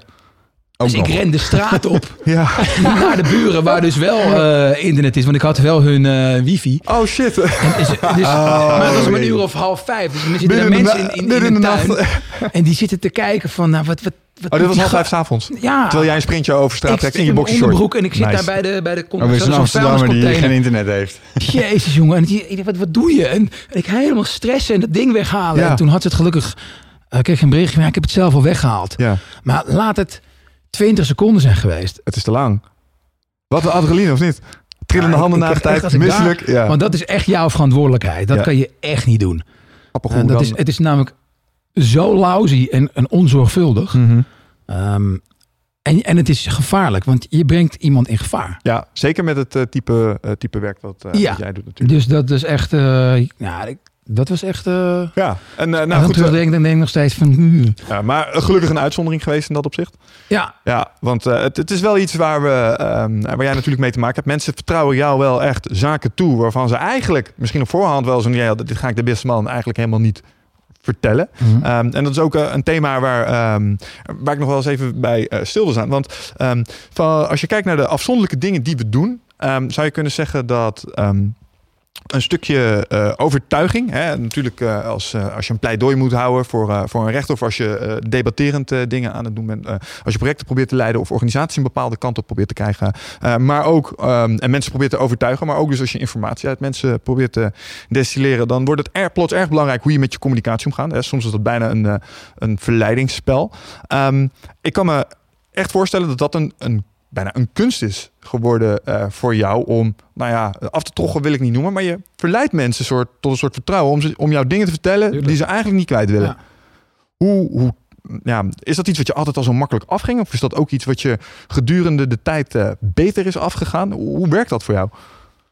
ik, ik, ik, ik, ik geef wel eens trainingen en lezingen, hier, onder Mhm. andere hierover. En dat, dat kan dan bijvoorbeeld voor een, voor een zeer ervaren sales unit van een bedrijf zijn. Ja.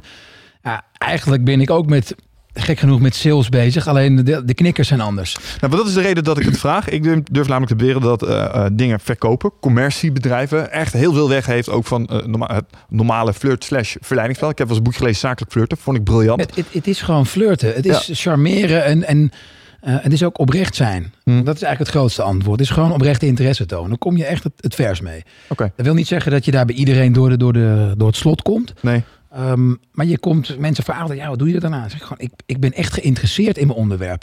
En dat zeg ik ook gewoon. Ja, ik begrijp ook wel dat je het niet leuk vindt, maar ik wil het wel heel graag weten. Ja, Dat is iets anders dan, eh, ik ga toch opschrijven, dus je werkt nou maar mee. ja, ja, ja, ja. En, ehm, Dus bijna vanuit een soort passie voor dat wat je boven water probeert Daar- te krijgen, neem je mensen mee als in je een soort... gewoon, nou, ik heb wel eens bij mensen gewoon een, eh, had ik uitgevonden waar ze woonden.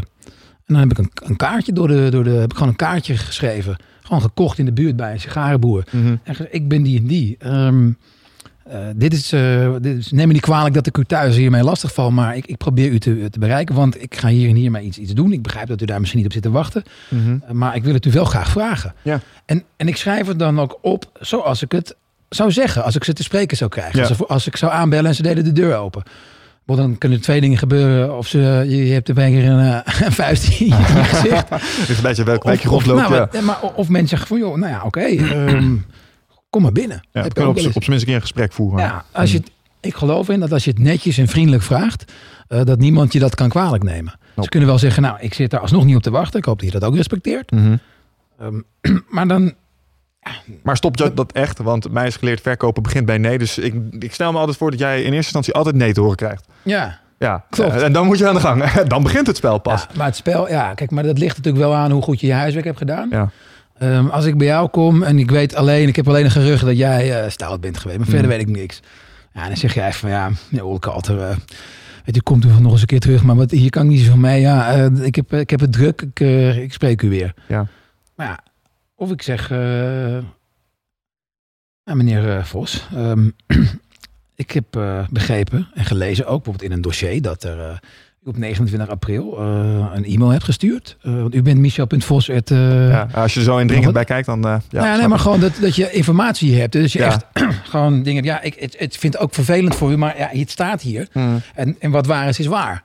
Dus als je heel veel dingen hebt, ehm, Ja. ja. dan wordt het heel lastig om. Ik denk dat mensen dan eigenlijk al gaan praten om hun eigen standpunt maar een beetje vast toe te lichten. Een beetje stelling te kunnen nemen Ja. misschien. Ik, ik had een. ehm, even kijken. Ik heb twee zedenverhalen gemaakt afgelopen half jaar. En dat is. En als jij nu nog verhalen schrijft, dan schrijf jij voor jezelf of... Hoe bedoel je? Je hebt een zedenverhaal geschreven voor jezelf? nee, dat was voor, voor, dat was voor de Telegraaf. voor de Telegraaf, oké. En het waren. Maar één- voordat we verder gaan in dat kader, hè, ehm, ik zei het er straks al, ehm Kleuters die is nog wel eens eh, bekend op sommige redacties eh, bij de krant. Hebben jullie wel eens tegenover elkaar gestaan eh, in eh, Nee. dat opzicht? Nee, nee, nee. nee, Oké, nee, nou, dat nee. valt wel weer En ik ben ook onpartijdig, dus het maakt me niet uit of ik nou tegenover een krant of ervoor sta. Maar het had wel gekund. Oké, helder. dat dat ja. absoluut gekund. Want ik heb Als de verdachte van die Jens dan in het Ja. stuk kapot schrijft, mij belt, dan ga ik met genoegen. Nou, wie weet. Ja. Ja. Dat zou wel grappig zijn, of niet? Maar nee, ik heb, ik heb eh, in die, deze zeezaak waar ik het net over wilde hebben... eh, Mm. Kreeg ik uiteindelijk te maken eh, met een, eh, een collega van jou. Maar die was denk ik wat minder door de wol geverfd dan jij. Die, die blafte heel hard. Een collega van mij in de zin van... Van, van Remco. Oh, oké, Een- ja. een- een- Een confrère. Een confrère, ja. een. Waarschijnlijk een strafrechtadvocaat die dan weer Nee, niet... nee, een, Oké. eh, een, eh, een, eh, is op zich bijna neerbuigend. Strafrechtadvocaat. Nou, vaak hebben dit soort mensen dus een strafrechtadvocaat die dan toch al de zedenzaak doet. En die Ah. denkt dan, ik doe ook de media kwestie wel even en stuur een brief. Ja, nee, deze, deze meneer was wel zo slim om naar een IE-advocaat te gaan. En die, eh, ja, die mevrouw die, eh, wat? Een IE-advocaat? Eh intellectueel eigendom. Oké, ja, dank je. Ehm, mediarecht, ja. Ja, dat valt er vaak. Vaak doen, doen IE-advocaten Ja. ook mediarecht. Ja. En dan krijg je dus zo'n, terwijl je al wekenlang iemand de gelegenheid geeft om, om hoor en wederhoor te, daarop te reageren. Ja, want hoe zit dat precies? Als jij iets hoort over iemand, dan mag jij die niet zo... Wat is hoor en, hoor en wederhoor precies? Laat ik het even anders zeggen. Ehm, die zeden, dat is een zedenkwestie in de sportwereld, in de Hmm. hockeywereld. Ja. Oh, oké. Eh, niet, niet die Luigi. eh dingen, dat dacht ik ook even, Ja. ja. En ehm, nou, toen, dan kom je bij, bij iemand aan, je hebt wat voorwerk gedaan en dan moet je iemand benaderen die een hele belangrijke bron kan zijn. Hm. Ik had op een gegeven moment uitgevonden waar die meneer werkte. Dan heb ik hem benaderd daar. Ja, oei. Niet- Zal je leuk niet- hebben gevonden. Nou, hij- had wel een. had het, kijk, ik ga niet iemand op kantoor binnen in het kantoor dan lastig. Confronteren met het feit, hé, jij Nee, zit bij een eh, nee, zedenzaak. ten- tenzij die zelf een pedofiel is, dan zou ik, zou ik, me, geen- dan zou ik me niet meer kunnen schelen. Maar Ja, Bewezen pedofiel neem ik dan even aan. Iets wat ja, OM nou ja. overigens wel deed in die Limburgse zaken. Maar goed, ja. Eh, dan ben je nog netjes. Eh, maar hij had een, eh, een baan waarbij hij makkelijk benaderbaar was aan een balie, zeg maar. Ja. Ja, dus dan was het niet intimiderend van de staat de journalist. En dan gewoon, ik, ik, ik ga er naartoe zeggen, is, is Pietje er? Ja. Ja, die was er. En eh, ik zeg, ik ben die en die en ik, ik kom hier en hier voor. En Hm. toen was hij meteen heel oké. Hij zei, nou, hij had twee dingen zeggen, opflikkeren of ik weet niks. Hm. Hij zei, kom maar even mee. En toen zei hij meteen, of nee, later, toen we een beetje gesprek hadden gehad. Ja, ik had meteen wel door dat ik, ik weet wie jij bent. Eh, dat helpt soms ook wel eens niet mee, maar soms ook wel. Ja. Ik weet dat je een serieus journalist bent. En als jij hier komt, hebt uitgevonden wie ik ben, waar ik werk. En je gaat me dit soort vragen stellen, dan weet ik dat ik niet meer dingen hoef verborgen hoef te houden. Nee, want het is klaar. Heeft ja. geen zin. Ja, precies. Ehm, en dus dat werd best wel prettig. Later in die zaak kreeg ik dus de collega van eh, maar Remco eh vijf voor twaalf Hmm. voor de deadline. Het was heel bewust gedaan. Tuurlijk, om jou zo min Ehm, mogelijk tijd te geven voor... Tuurlijk. En dat had Ja, ik zijn ook. jullie echt van die teringlijers? Doen jullie dat? Eh, ja. Oké, check. Ja, nee, maar, dat, maar, nee, maar als je op een gegeven moment ook wat ervaring als journalist hebt, Ja. weet je dat ook. Dus je, ziet het spelletje gebeuren. En, eh, Het dus- spel werkt overigens twee kanten op. Maar maak je vrouw af. Ja, dan ga jij zo even reageren. Dat is wel leuk, ja. Ja, ja, hoe, ik- hoe dit bij mij binnenkomt. Maar ik had die, de, eh, de, de cliënt dus, dus het onderwerp van mijn verhaal, had Hmm. ik eh, ruimschoots de gelegenheid gegeven. Die man had een kroeg. Ik ben drie keer in zijn kroeg geweest. Ik, ik heb later gehoord dat hij door de achteruitgang is weggesneakt toen hij mij zag Echt aankomen. waar? Mensen rennen weg voor jou. Ja. Huh. Snap ik wel. Ehm, Kennelijk. Ja. hij wel, anderen ook niet. Ja. Ehm, ik heb hem eh, gebeld, gemaild. Ik heb een, eh, een brief door zijn bus gedaan. Van, Mhm. luister, ik wil met je spreken. Dit zijn de feiten. Over de mail. En dan kreeg Je ik werkt nog veel eh, antwoorden. via klassieke media, valt mij op. Briefjes, kaartjes. Ja, omdat, omdat mensen dus... Postduif. Ja, Mensen zijn anders niet te bereiken. ja snap ik. Dus je moet wat verder gaan dan, dan alleen bellen en een mail. En, Ja. eh, dus ik had me echt, eh, als we over hoor en wederhoor hebben, iemand de gelegenheid geven om te reageren op hetgene je hem voor de voeten werpt. Hm. Had ik echt 100% ook in overleg met de hoofdredactie van de Telegraaf. Want die wisten donders goed dat dit natuurlijk een heel ja, gevoelig verhaal zou worden. Ja. Eh, waar je heel zorgvuldig mee moet omgaan. Ook als journalist, omdat je weet dat als je het over zedendingen hebt, dat je iemand alleen al de suggestie doen kapot kan maken. Ja. En dat moet je nooit willen. Nee. Ehm, maar goed, dus toen kwam die advocaat met... eh, ja, u heeft dit niet gedaan, heeft dat niet gedaan. En als u dit doet, dan zal ik u eh, voor het gerecht dagen. En uw, uw kop deugt niet. Ehm, Dat zei hij er ook bij. nou, ik, had- de, de titel was Had hij vast niet over spoor, gezicht, spoor van vernieling. nou ja, ik zeg, nou, vindt u dat hij dan geen spoor van vernieling heeft getrokken? Ja. Ja, zegt ze, dat zullen we zien. Ik zeg, nou, weet wat, dat is goed. Als u het zo wil spelen, dan ehm, prima. Nou, uiteindelijk werd het een heel redelijk gesprek. Uurlang met die advocaat aan de telefoon. Hm. En verdomd, ik krijg, ik, en dat wist ik, kwartier later. En ik moest naar een diner van iemands 40ste verjaardag. Ja. Ik moest s'avonds naar Humberto Tan hierover. Ja. Eh, op mijn telefoon, onderweg naar het diner, moest nog een smoking ergens lenen. Een mail van deze mevrouw. Meester, eh, nog wat. Huppel de, Huppel de pub. En die begint weer het hele verhaal te resumeren. Ondanks je gesprek. Ja. Ja, dus ja, toen eh, ik zeg terug, hey, vriendin, maar dan iets netter. Hm. Veel plezier mee. Ik spreek je. Ja. Maar zo fijn weekend. En dan moet je er ook moet laten gaan. Lijkt me wel moeilijk, man. En eh, vanuit een Ja. media-advocaat perspectief? Eh, nou, kijk, en daarom wil je altijd bereikbaar zijn. Ja. Want als dit zich allemaal heeft afgespeeld zonder dat je er naar kunnen kijken, eh, ben je niet blij. Maar eh, je kunt op zondag een telefoontje of een mailtje krijgen. En dan is het van, nou, moet je horen, dit krijg ik net door van journalist X. Hm. Eh, ik eh, krijg de vraag of ik hierop wil reageren. Ik heb tot morgen 12 uur, maandagmiddag 12 uur. Eh, kijk er even naar en bel me terug. Ehm, en dan is het spel dus ook vanuit de journalist wel eh, aardig gespeeld. Want ja, die weten ook wel dat ze hoor-wederhoor zouden moeten toepassen. Mhm. Hoeft niet altijd. Als het heel helder is en heel erg spoedeisend, hoeft het niet. Het is geen wet, maar het is wel journalistiek. Netjes. Ja. Journalistiek, eh, ja. eh, ja, heel ethisch.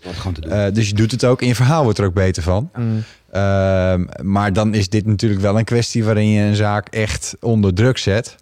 En ik maak dus ook echt mee eh, dat daar dan dingen in staan die aantoonbaar niet kloppen. Eh, en dat is eigenlijk de hoofdvraag. Het klinkt natuurlijk ook wel weer heel erg eh, straightforward. Maar als er dus dingen in staan die niet kloppen en die wel heftig zijn, dan denk ik: oké, dan hebben we iets. Dan wil ik eerst dat die cliënt mij daarvan overtuigt. Dan wil ik stukken zien. En dan gaat mijn brief er dan wel zo snel mogelijk uit. Of, of als dat niet kan, dan, dan, dan wordt er gebeld inderdaad. Als dat, Mhm. eh, en, en dan wijs je dus daarop. En dan zeg je, moet je horen, ik word nu beschuldigd, mijn cliënt wordt nu beschuldigd van zedenzaken. Uh, desastreus voor zijn reputatie. Zijn privacy die, die ligt er dus straks eh, eh, uit. Daar hou ik je voor aansprakelijk. Ehm, en ja, publicatie kan niet plaatsvinden, anders staan we bij de rechter. En dan moet je inderdaad zo snel mogelijk, want meestal ben je al te laat. Zeker als het met bijvoorbeeld tijdschriften, die worden dan bijvoorbeeld op dinsdag in de distributie gezet. Mhm. Woensdag liggen ze in de winkel. Ja, je Maandag dan- is, is echt de deadline. Eigenlijk is maandag dan een keiharde deadline. En het lukt je meestal niet om dan nogal om al die maandag en de zaak te kennen en de stukken te hebben Mhm. en de dagvaarding af. Want dat wil een rechtbank afzien. Die wil zien dat je serieus die zaak gaat doen. Eh, dus die moet ook al af zijn. En dan ook nog de agenda van de rechtbank zodanig weet, eh, weet te plooien dat je die rechter ook hebt. Mhm. Dus ik heb wel eens op dinsdagochtend 8 uur inderdaad, s ochtends dan een, eh, een, een zitting gehad. En dan krijg je inderdaad argument van ja, ja, nee, eh, oké. En die rechter vond het artikel niet deugen. Mhm. Dus de beschuldigingen deugden niet. Maar ja, het blad is al uit ons handen. Is al de distributie in. En dan, ja, dan, dan Ging durft dat- een rechter het Geef je nu het voorbeeld van een zedenzaak? Of, Ik geef eh, nu het voorbeeld van een zaak die dan inderdaad heel erg spoedeisend was. Dat ging meer over dat financiële moet, dingen. ik, dat moet ik dan wel zeggen. Als je als journalist, om, wat als het zondag komt? Ja. Meest, ja, Ah, dat, meestal is het vrijdags hoor. Heb je wel iets meer Dan moet ik tijd. even maar- oppassen wat ik zeg. In de toekomst niet een keer op zondag met zoiets- zoiets kom. Ja, niet een handje kijk achter je kaarten geven natuurlijk. Ja, ja, je nee, maar dat je, hoor. kijk, als het echt om, om zware eh, beschuldigingen, aantijgingen gaat, Mhm. dan moet je ook wel een redelijke termijn geven. Ja. Ehm, maar ik had in dit geval gewoon, en dat kon ik ook, heb ik ook naar die, uiteindelijk naar die, eh, of in het telefoongesprek met die eh, advocaat ook besproken. Van, nou, ik wil het u allemaal sturen, dat zal ik ook doen. Ehm, dus laten we zeggen, het was 1 november. Ik heb hier op eh, 13 oktober heb ik een mail naar uw cliënt gestuurd met een Mhm. vragenlijst. Ehm, op, op na, 19 oktober reageert hij pas, heel sumier. Heb ik nog een keer uitgebreid die vragenlijst. Kunt u hier dan op reageren? Wat is dit en dit en dit? Mhm. Die bronnen zeggen dat en dat en dat met naam en toenaam. En dan gaat, u, eh, gaat hij nu zeggen dat hij, dat hij geen gelegenheid heeft gegeven? Nou, ik wens u er heel veel succes mee, mevrouw. Ja, helder verhaal. Het klinkt echt als een heel. eh, het klinkt een beetje als een schaakspel tussen Ja, enerzijds. Ja, Ja. ja, want je wil alle vinkjes kunnen zetten in principe op papier, maar daar kun jij dan weer slim misbruik van maken. Hey, en uh, als we, want we kwamen hier op uh, over het stukje zeg maar, um, hoe gebruik je dan je communicatie om mensen toch uh, dingen wel of niet te laten doen die je uh, voor elkaar wil krijgen. Nou ja, jij hebt er natuurlijk aan de andere kant uh, mee te maken, want jij gaat een groep mm-hmm. mensen, of in ieder geval de rechter uh, in Nederland, ervan overtuigen dat het ja. een goed idee is om deze manier te laten gaan, of dat het terecht is dat je. Um, hoe, um, hoe merk je dat jij daarin opereert? Is het bijvoorbeeld het, het verkopen van je verhaal en het zoals een sales pitch doen, is daar denk ik belangrijk. Als in, jij moet een, jij moet een pleidooi houden, toch? Ja. Van. Ja, ja, dus, dus je moet goed nadenken over, oké, okay, um, wat is de crux van de zaak? Dat is eigenlijk het belangrijkste. Mm. Kijk, een rechter heeft het dossier heeft algemeen, daar mogen we blij mee zijn in Nederland, wel uh, gezien. En heeft dus al een idee, heeft dus al een soort van gevoel. Ja. Um, en, en hoe ik werk is eigenlijk door uh, ook maar gewoon meteen te be benoemen. Niet als eerste, maar dat wel in je verhaal te verwerken waar de zaak misschien minder sterk is. Mm. Ja, dus de, gewoon even de kern even blootleggen waar het over gaat. Um, en niet, zoals je ook vaak ziet, advocaten die gewoon eigenlijk... Iedereen voelt aan dat het volslagen overdreven is. En alle, alle kleine details, alle argumenten maar bij elkaar voegen... om op één hoop, weet je wel, om, om maar alles erin te gooien. Continu cynisch. Ja, nee, dat... Ja, dat... is dat een ding? Nou ja, ik vind het leuk wat, wat, wat jij nu zegt, tot, tot de crux komen. Maar natuurlijk met een beetje theater. Maar ik, ik, ik volg veel rechtszaken. Mm. Weliswaar vaak strafzaken natuurlijk. Ja, dan zit je gewoon op de bank te kijken. Ja, en je mag je mond niet open trekken. Natuurlijk zit het publiek Wil je wel eens? Ja, maar daar heb, je, daar heb je Twitter voor. oh ja. En, en, dan word je in de pauze word je dus een advocaat aangevallen. Ben jij onaardig? Ja. En, um, Dat is Maar- wel weer grappig. Dat is wel, dat, ja, soms wel. Ehm, maar ik vind het eh, altijd een mooi spe- Het kan een heel mooi spektakel zijn, een, eh, Hmm. een pleidooi. En, en ik kijk vaak ook uit naar pleidooien van bepaalde advocaten. Want ik weet dat het een spektakel gaat worden. Ja. Dat ze er gewoon altijd goed in zijn. Alleen de ene keer dan slepen ze de dingen, eh, zijn ze heel spitsvondig. Maar twee tellen later zijn, slepen ze dingen er met de haren bij. Dat ik ook zijn rechter zie kijken van... Ja, ja, ja, ja. Ja, Maar werkt dat voor, denk je dat het uitmaakt voor zo'n rechter? Als jij daar toch wel een klein beetje een, eh, een showtje staat op te voeren en het is spitsvondig inderdaad en het is Dan grappig wel, en wel ja. doordacht. Ik denk dat dat absoluut helpt. Ja, nou... Terwijl het eigenlijk niet zou mogen eigenlijk, want het Ik- moet op de denk- inhoud gaan. Eh, Als je spitsvondig het bent en gaat, doordacht. het gaat veel meer over de inhoud dan wij misschien op basis van de televisie denken. En misschien dat... eh, Daar heb ik jij- een heel erg Amerikaans beeld bij. Ja, dat, nou ja, waarschijnlijk wel. En eh, Jens misschien minder, want die ziet rechtszaken, maar die ziet dan misschien ook wel strafzaken. Misschien ook wel zaken waarin ja, er weinig te redden valt. Ik heb ook wel eens pleidooien gelezen in, in zaken dat ik echt dacht, hè, teksten als echt een mega zedenzaak, 90 tot 100 prostituees, waarin de advocaat zei: Mijn cliënt is een juweel van een pooier. Juweel ja, van een ja, ik, dat vind ik heel dichtelijk, maar ik heb het dossier ook gezien toen. Ik had er toen mediarechtelijk iets mee te maken. Maar ik denk dan, dan schiet je gewoon door. Het is mijn stijl niet. Ik Nee. ben liever de voice of reason. Ik zoek een soort common ground. Ik denk van, nou, hier komen we niet omheen. Mm. En daarbinnen, als ik dat heb aangewezen, want die rechter snapt het ook wel, daarbinnen gaat mijn spel plaatsvinden. Dat is mijn speelveld. En daar. Je steekt het dan bijna de draak als je het op die manier... eh, maar dat dan, vind dan ik dus word je dus ook. misschien al meteen niet meer serieus genomen. Nee, dat denk ik ook, ja. Dan ben je eigenlijk een gedicht aan het schrijven. eh, en dan heel erg overdreven in het voordeel van je cliënt. En ik denk dat het niet in het voordeel van je cliënt is. Nee. Maar het is, het, is, het is fascinerend dit, want, want er zijn allerlei dingen. Hè. Je weet bijvoorbeeld welke rechten je krijgt. Nou, dan Mhm. weet je wie dat ongeveer is. Je hebt er al eerder meegemaakt. Meest, ik zeg nu vrouw. Ja, meestal zijn vrouwen. Maar Is dat zo? Dat is zo, ja. Oh. Ehm, eh, du- dus, dus je gaat al een beetje, sommigen willen iets meer inhoudelijks hebben. Sommigen Mhm. zijn wat meer kordaat. Sommige, hè, dus, dus dan moet je een no-nonsense verhaal meer aandiepen. Soms moet je, hè, bij sommigen moet je meer met rechtspraak strooien. Ja. Eh, soms eh, moet je iets meer inspelen hè, van ja, u en ik weten, iets, iets meer dus contact maken, een beetje prikkelen, dat, hè, dat, je, dat je Een dialoog start ja, eigenlijk. een beetje op die manier. Dus daar zit zeker een verleidingsspel in. Ik laat ook altijd iemand die mee is kijken naar hoe de griffier reageert. Dat kan ik niet zelf in de gaten houden, maar dat is Oh ook ja, vaak vertel. belangrijk. Ja. Wat dan? Nou ja, het, het is zo. Een rechter, een kort gedingrechter zit altijd, is altijd de enige rechter. En dan zit er ook nog een griffier naast. En Mm. die zit eigenlijk gewoon stoïcijns voor zich uit te kijken. Als en ik heel kort ga, dat is de typemiep. Dat is eigenlijk de typemiep, maar hij heeft wel rechten gestudeerd. En die heeft veel meer invloed dan je denkt. Want Oh. als je de zaal uitgaat, dan iedereen weet dat wel ongeveer. Die rechter vraagt van jou, wat vond je ervan? Weet je Echt? wel? Ja.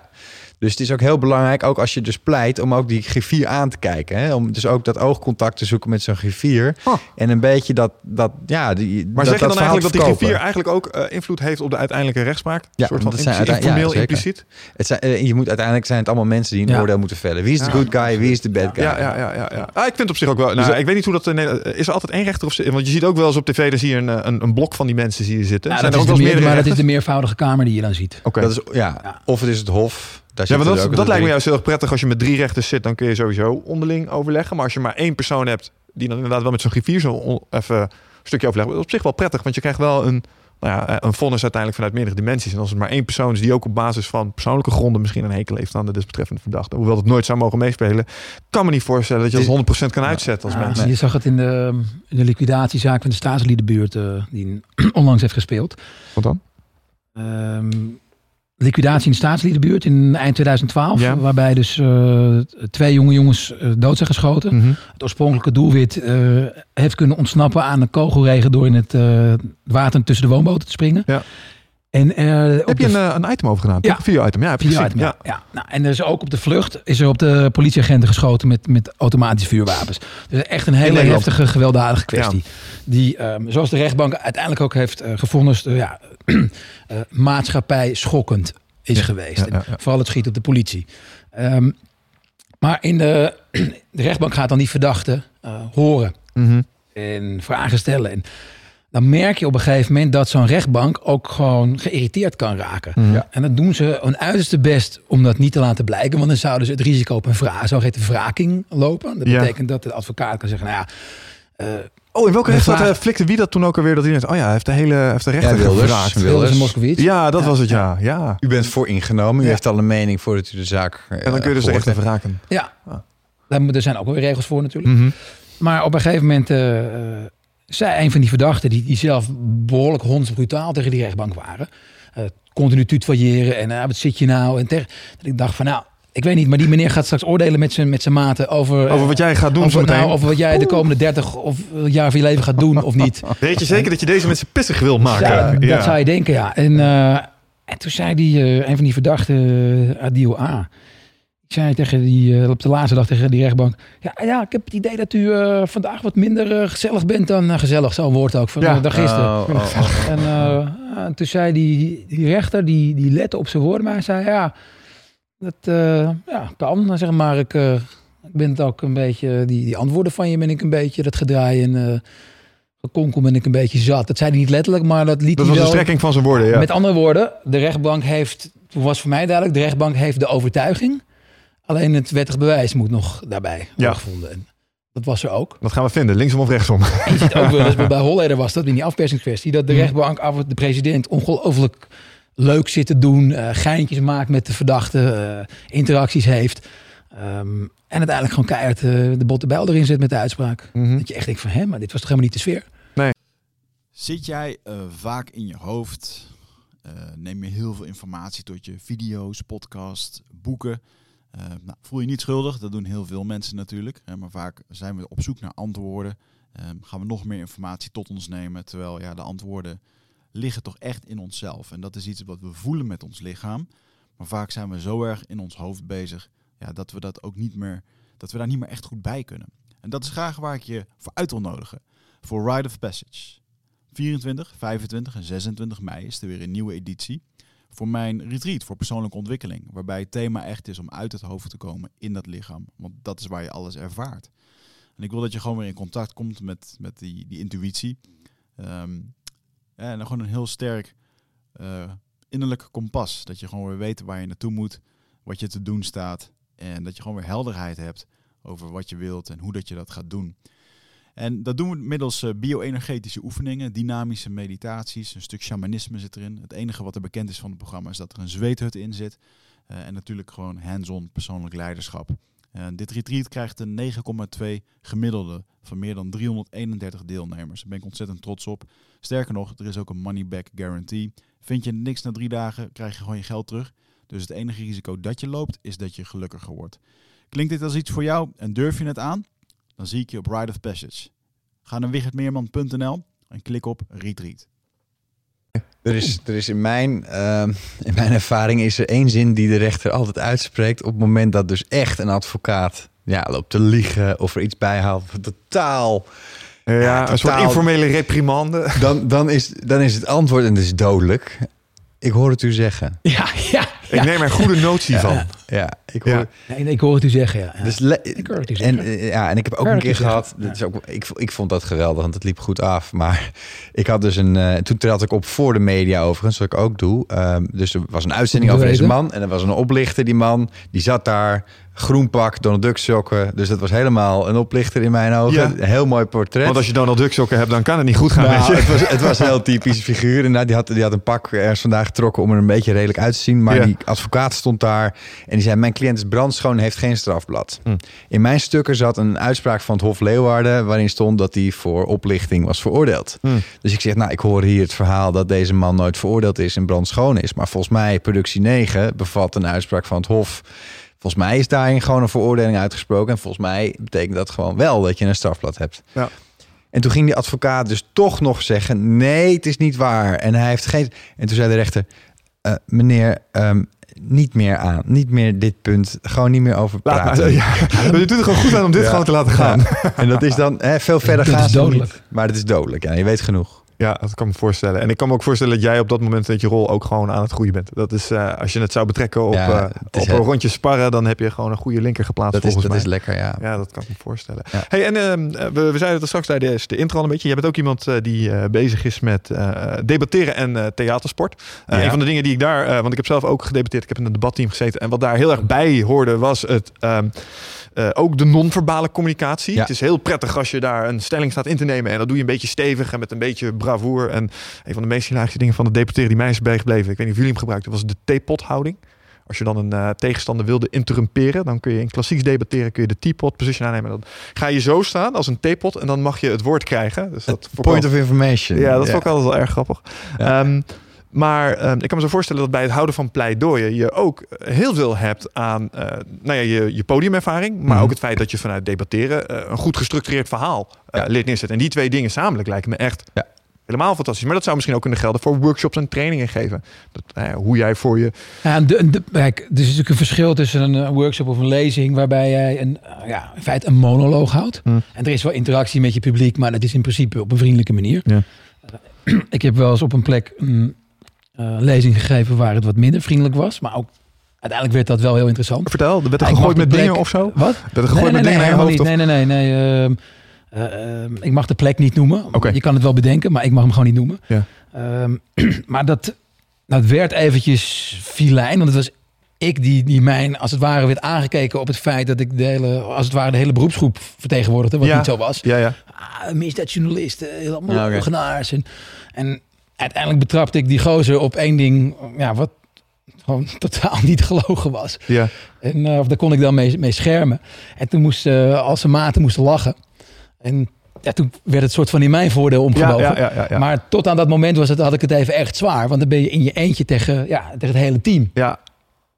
Ehm, maar in, in algemene zin, met een lezing ben jij gewoon aan het praten. En hebben mensen jou uitgenodigd om te komen praten. Dus Mhm. het is een eh, wat vriendelijkere omgeving, wat veiligere omgeving dan als je in, in een debat bent. Ja. Want dan krijg je een, echt een, iemand die haaks eh, qua mening op die van jou staat, in Dat, principe. dat is wel een spelletje over het algemeen. Juist. Ja. Dus dat is wel een ander. eh, Hoe, hoe gebruik jij dat in je pleidooien?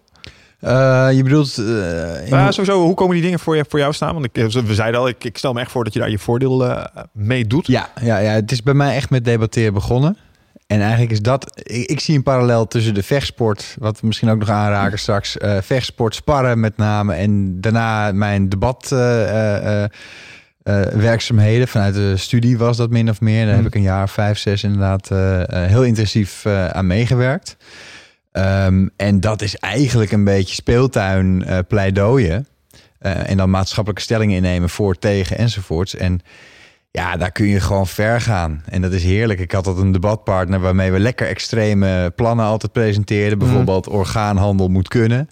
Hè, en vooral later op de avond.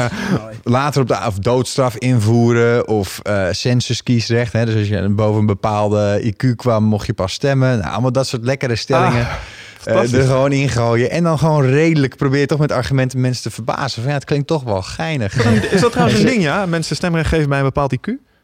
Nou, Ik ben wel voor, bedenk ik me net. Eh, maar ga verder. Weet ik niet, maar eh, er zijn soms mensen die vinden dat bepaalde andere mensen niet mogen stemmen. Twitter Ja. verbieden onder een bepaalde IQ. Ja, zou ook een mooi zijn, ja. Maar goed, ehm, eh, en, en dat was heerlijk. En het, ik moet zeggen, ik, mijn conclusie toen was dat het enger is dan, eh, dan sparren met Peter Aarts. Ah. Eh, want voor een publiek eigenlijk te horen krijgen dat je dom bent, Ja, omdat je iets zegt over eh, iets politieks en het klopt gewoon niet. Eh, je hebt geen idee waar je, je het wordt over verbaal hebt. even Je onderuit wordt geschoffeld. afgemaakt. Ja. Want geloof mij, er staan slimme jongens bij. Ik ben ook in Oxford geweest. Nou, daar word je echt in het Engels gewoon totaal gefileerd. ja. Ja, dat is mega. Maar, dat is echt een maar groeit ervan. Het Ja. is heerlijk. En het, het, het- er zit ook een element van improvisatie in. Dus je krijgt een stelling. Dan heb je een kwartier de tijd. Nou, dat is weinig. En zeker als je de tegenstander bent, ja, dan weet je niet wat de voorstander precies gaat doen. Mhm. Eh, en dan moet je gewoon on the spot moet je dus eh, een gestructureerd verhaal in elkaar zetten. Je moet improviseren. Ja, en als de, als de, als de voorstanders echt iets raars doen, dus, dus de stelling een beetje verdraaien en ineens met een plan komen over orgaanhandel, ja, dan moet je er wel iets over weten. En dan heb je Mm. dus maar vijf minuten eigenlijk tijdens het verhaal. Dus je bent en aan het luisteren en je bent je verweer aan het schrijven. Ja. Ja. voor mij was dat een geweldige leerschool.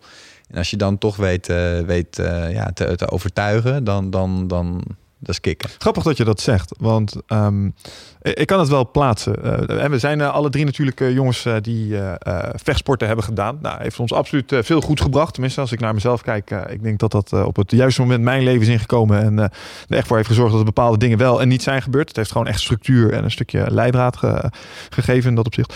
Ehm, en dan kom je inderdaad wel eens, zeker als het de full contact vechtsporten zijn, dat is best spannend. Zeker op het moment dat je voor het eerst low kicks en volle stoten krijgt en dat dingen. Maar ik herken helemaal wat je zegt, want dat vind ik vele malen minder eng als voor een groep moeten staan en een verhaal doen. Uh, Nou. En dan mogelijk, zeg maar, uh, afgaan. Want dat is volgens mij, Ja. als je heel diep naar de kern gaat, altijd waar het op neerkomt. Ja. Je bent bang dat je een flater gaat slaan.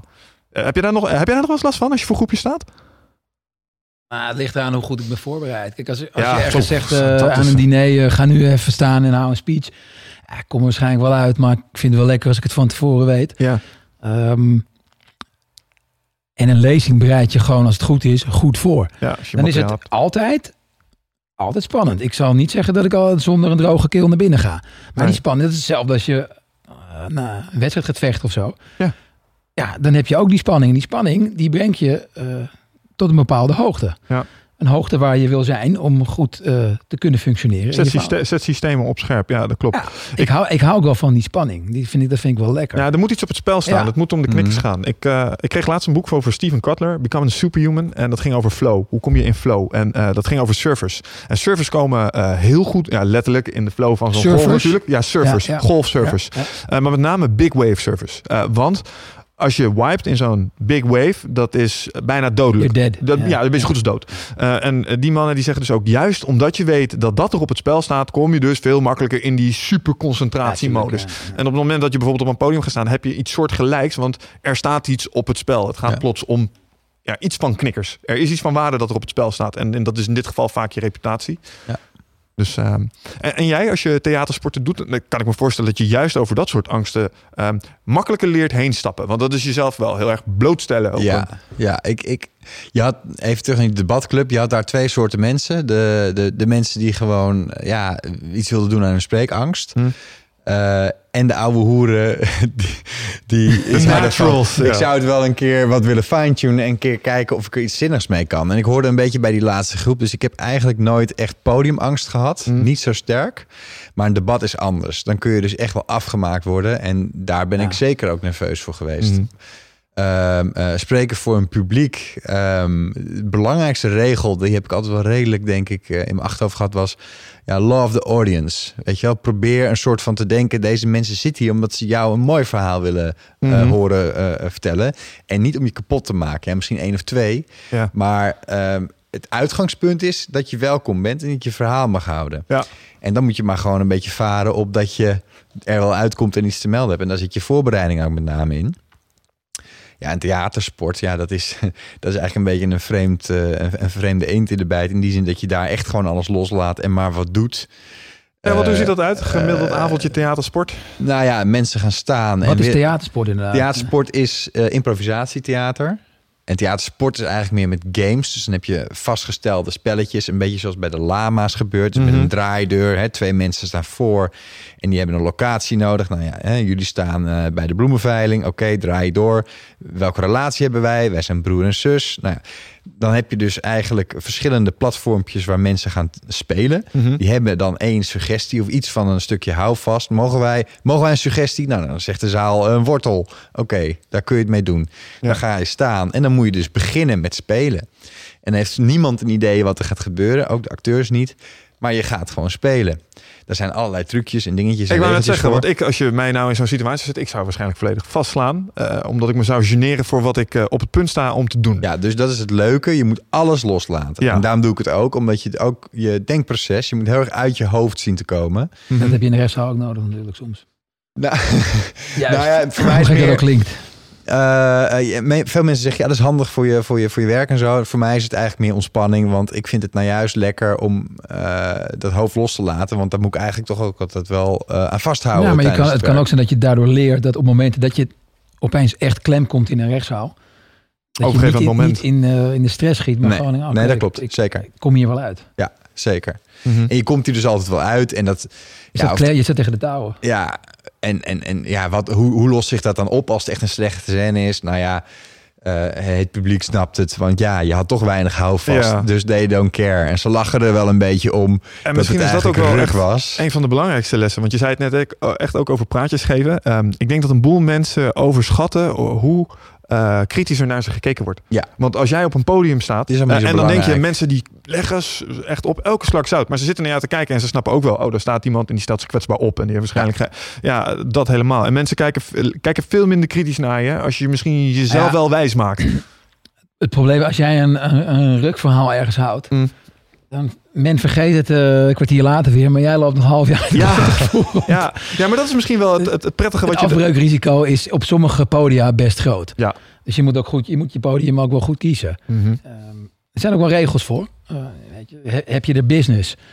Eh, ik moet niet ergens gaan praten over, over meubel maken. Daar Nee. heb ik helemaal geen verstand van. Dat moet ik echt niet willen. En, Nee, zeker niet. je, st- stick to what you know. Een beetje schoenmaken, blijft bij je leest. Ja. Ehm, love your audience inderdaad. Dat je zorgt dat, eh, dat je mooie energie met ze hebt. Eh, Ja. Vind ze belangrijk. Kijk Kijk, ze aan. aan. Ja. Ja. Ik heb één keer Rapport, eh, heb ik, ontzettend leuke lezing gehad. Ehm, en ik vraag altijd, nou, het, het duurde, stond iets van anderhalf uur voor. En uiteindelijk werd het twee uur en een eh, kwartier. Omdat ik na anderhalf uur, eh, ja jongens, we gaan er een eind aan breien. Ja. Of, nee, nee, heb je nog even een paar dit Nog een paar En-. En toen- wat zijn en er dan... was interactie. Hm? Maar aan Leuk. de afloop, dus ze vonden het echt leuk. En ik zat daardoor ook echt wel in mijn flow. Ik Ja. merkte gewoon dat het, het liep lekker. Weet Je, zit, je Soms heb je van die dagen, daar gaat Ja, het. gaat goed. en heel like you. En, en de afloop hoor ik van... eh, god, iedereen vindt het leuk hoor ik. Maar heb je ook nog wat aan te merken? En toen zeiden er een paar mensen... Ja, het was, de zaal was in een... ehm L-vorm, of in een eh 2L-vorm, dus in Ja. een U-vorm, zeg maar. En ik keek kennelijk te steeds maar zo, als jij bent die kant en Ja. jij bent die kant, die keek ik steeds naar jou. Oké. Nee, er zat, er zat gek genoeg, er zat een, een oudere Antilliaanse dame van dik in de 50. Ja. Een heel leuk, warm, vriendelijk gezicht. En die maakte af en toe een opmerking, maar daar had ik iets. Die trok Ja, maar soms aan. heb je dat. En dat heeft ook te En maken met de hoek waarin mensen zitten onderling ten opzichte Ja, maar van het was, elkaar. dus, het was duidelijk de energie naar die kant. Oké. En, toen, en ik, ik film die, eh, die lezing altijd, Ja. want ik wil het gewoon terugzien. Heel goed. Eh, ik kijk het ook terug zonder geluid, dat je alleen maar mimiek ziet. Wauw. Ehm, want daar leer je heel erg van. Ja. En toen zag ik inderdaad van, oh ja, ja, die mensen hebben gelijk. En dan, wil je, dan zeg je op een gegeven moment tegen jezelf, als je die beelden kijkt, draai die kant op. Ga Daarheen, kant een op. Ja. En van de tien tellen kijk je misschien ja. één tel naar die kant en negen naar die. En dat is niet goed, want Ja. daarmee sluit je mensen uit. Ja. En dan heb je dus het gevoel gegeven dat, dat je hun niet zo heel leuk vindt. Heb je wel eens op een... eh, ik heb eens eh, eh, een soort roadshow moeten doen voor een software implementatie. Toen kwam ik eh, door het hele land ook wel in, eh, in theaterzaaltjes te staan. Omdat ze daar dan van die hele organisaties mooi in één keer in kwijt konden. Dus mocht ik in een theaterzaal op het podium staan. en wat me dan met name opviel, is dat je dus gewoon niks kon zien van je publiek. Het is echt gewoon, je hebt geen idee. Je hebt alleen zo'n lamp op je kop staan. Het is met name heet. En soms hoor je mensen lachen. Soms hoor je op het moment dat je hoopt dat mensen lachen, hoor je helemaal niks. dat is helemaal vervelend. Ja, dat is met het theater ook zo. Ik bedoel, je, je ligt daar, op, het, het is vaak wat ludiek. Dus voor je het weet lig je eerst op de grond. En, maar je ziet inderdaad alleen maar je lamp. Je ziet helemaal niet dat de mensen zitten. En, en ja, dus denk je van, nou ja, ik ga maar door. Ik geloof Het zal wel goed zijn. ik geloof dat het wel goed komt. Ja. Ja. Wat ik trouwens nog wel even interessant vind, even zijn sprongetje. Wat, is, eh, wat zijn eigenlijk die, eh, die trainingen en die workshops eh, wat je? Wat zijn de kernlessen die je mensen daar eigenlijk over de Ik, gooit? ik moet je onderbreken. Ik, ik heb het er nu toe redelijk rustig gehouden, maar ik zit echt te wielen op Jij gaat even plassen. Dat is geen enkel probleem, jongen. Helemaal goed. Doe je ding. Dan gaan wij ondertussen eventjes verder. Maar ehm, ja, theatersporten waar we het over hadden. eh, kunnen we misschien ook nog wel eventjes het, eh, eh, het kleine uitstapje maken naar eh, cabaret. Hadden we het er straks natuurlijk ook even eh, aan het begin over. Ehm, ja, jij hebt natuurlijk sowieso al wel eh, cabaret behoorlijk in je roots zitten in dat opzicht, hè? Ja, ja, wat dat betreft ben ik eh, opgegroeid in een cabaret nest, denk ik. Ja. Eh, mijn vader is een soort van deskundige op dat vlak. Eh, mijn stiefmoeder... Zonder het daar eh, helemaal over te laten gaan. Wil je er nee. iets meer over vertellen? Oké. Nee, nee, nee, maar ik heb het meegekregen. Ja, ik zo zeggen. En je, je zei je, je schoonmoeder? Eh, stiefmoeder, ja, Stiefmoeder. Die, die treedt ook nog steeds op. En eh, eh, ja, heeft, heeft een aantal shows gedaan. Een hele lange carrière eigenlijk. Ja. Is dat ook nog van invloed geweest op het, op het feit dat jij uiteindelijk op een podium wilde staan? Heeft dat Nee, makkelijker gemaakt? Ja, nou, dat is, dat is een vraag die ik mezelf ook stel. Dat weet ik niet. Ik, ik had er nooit zoveel mee. Ik hoefde niet zo nodig. Het was er allemaal al thuis. En ik vond het eigenlijk... Nou ja, ik vond het allemaal wat overdreven of Ja. zo. Al die ego's en al dat optreden. Ik had daar niet zoveel mee. Is dat een ego-ding, denk je? Een soort geldingsdrang? Mm, Nee, maar je, je moet wel een bepaald persoon zijn. Wil, wil je dat dus doen? Wil je, wil je een podium zoeken? En Mm. ik had zoiets van, nou, ik geloof dat ik gewoon op een eh, kantoor ga werken. Want daar is volgens mij helemaal niet zoveel mis mee. En het is een stuk relaxter en rustiger. Eh, dus ik had het helemaal niet. Maar ja, via een achterdeur kom je er dan toch een beetje terecht. Ja. En ergens heb je dus toch... eh, het rare is dat het voor mij Nee, ook... dankjewel eh, Jens.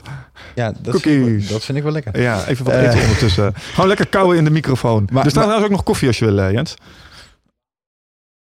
Oh, dan wil ik ook nog wel een beetje koffie. Ja, netjes. Ehm, eh, maar ik hoef eigenlijk niet eens zo nodig op het podium te staan. Maar het is voor mij meer zo van verkennen van de grenzen. Ik doe het een beetje voor mezelf. Ja. Om te kijken of ik het kan.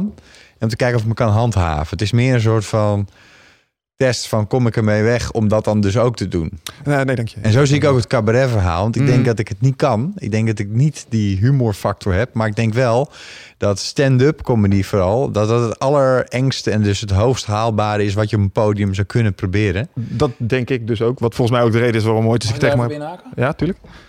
Oh, je bent er weer. Ja, hi. Hi Jens. Hey, hey. Hoi. Ehm, Vind je dat ook? Dan neem ik een hapje. Ja, oh, ik heb mijn mond vol. Neem Ja, dat maakt niet uit. Gewoon doorkomen. Ik neem eerst een hap en dan leg ik. Sorry. Boeit niet.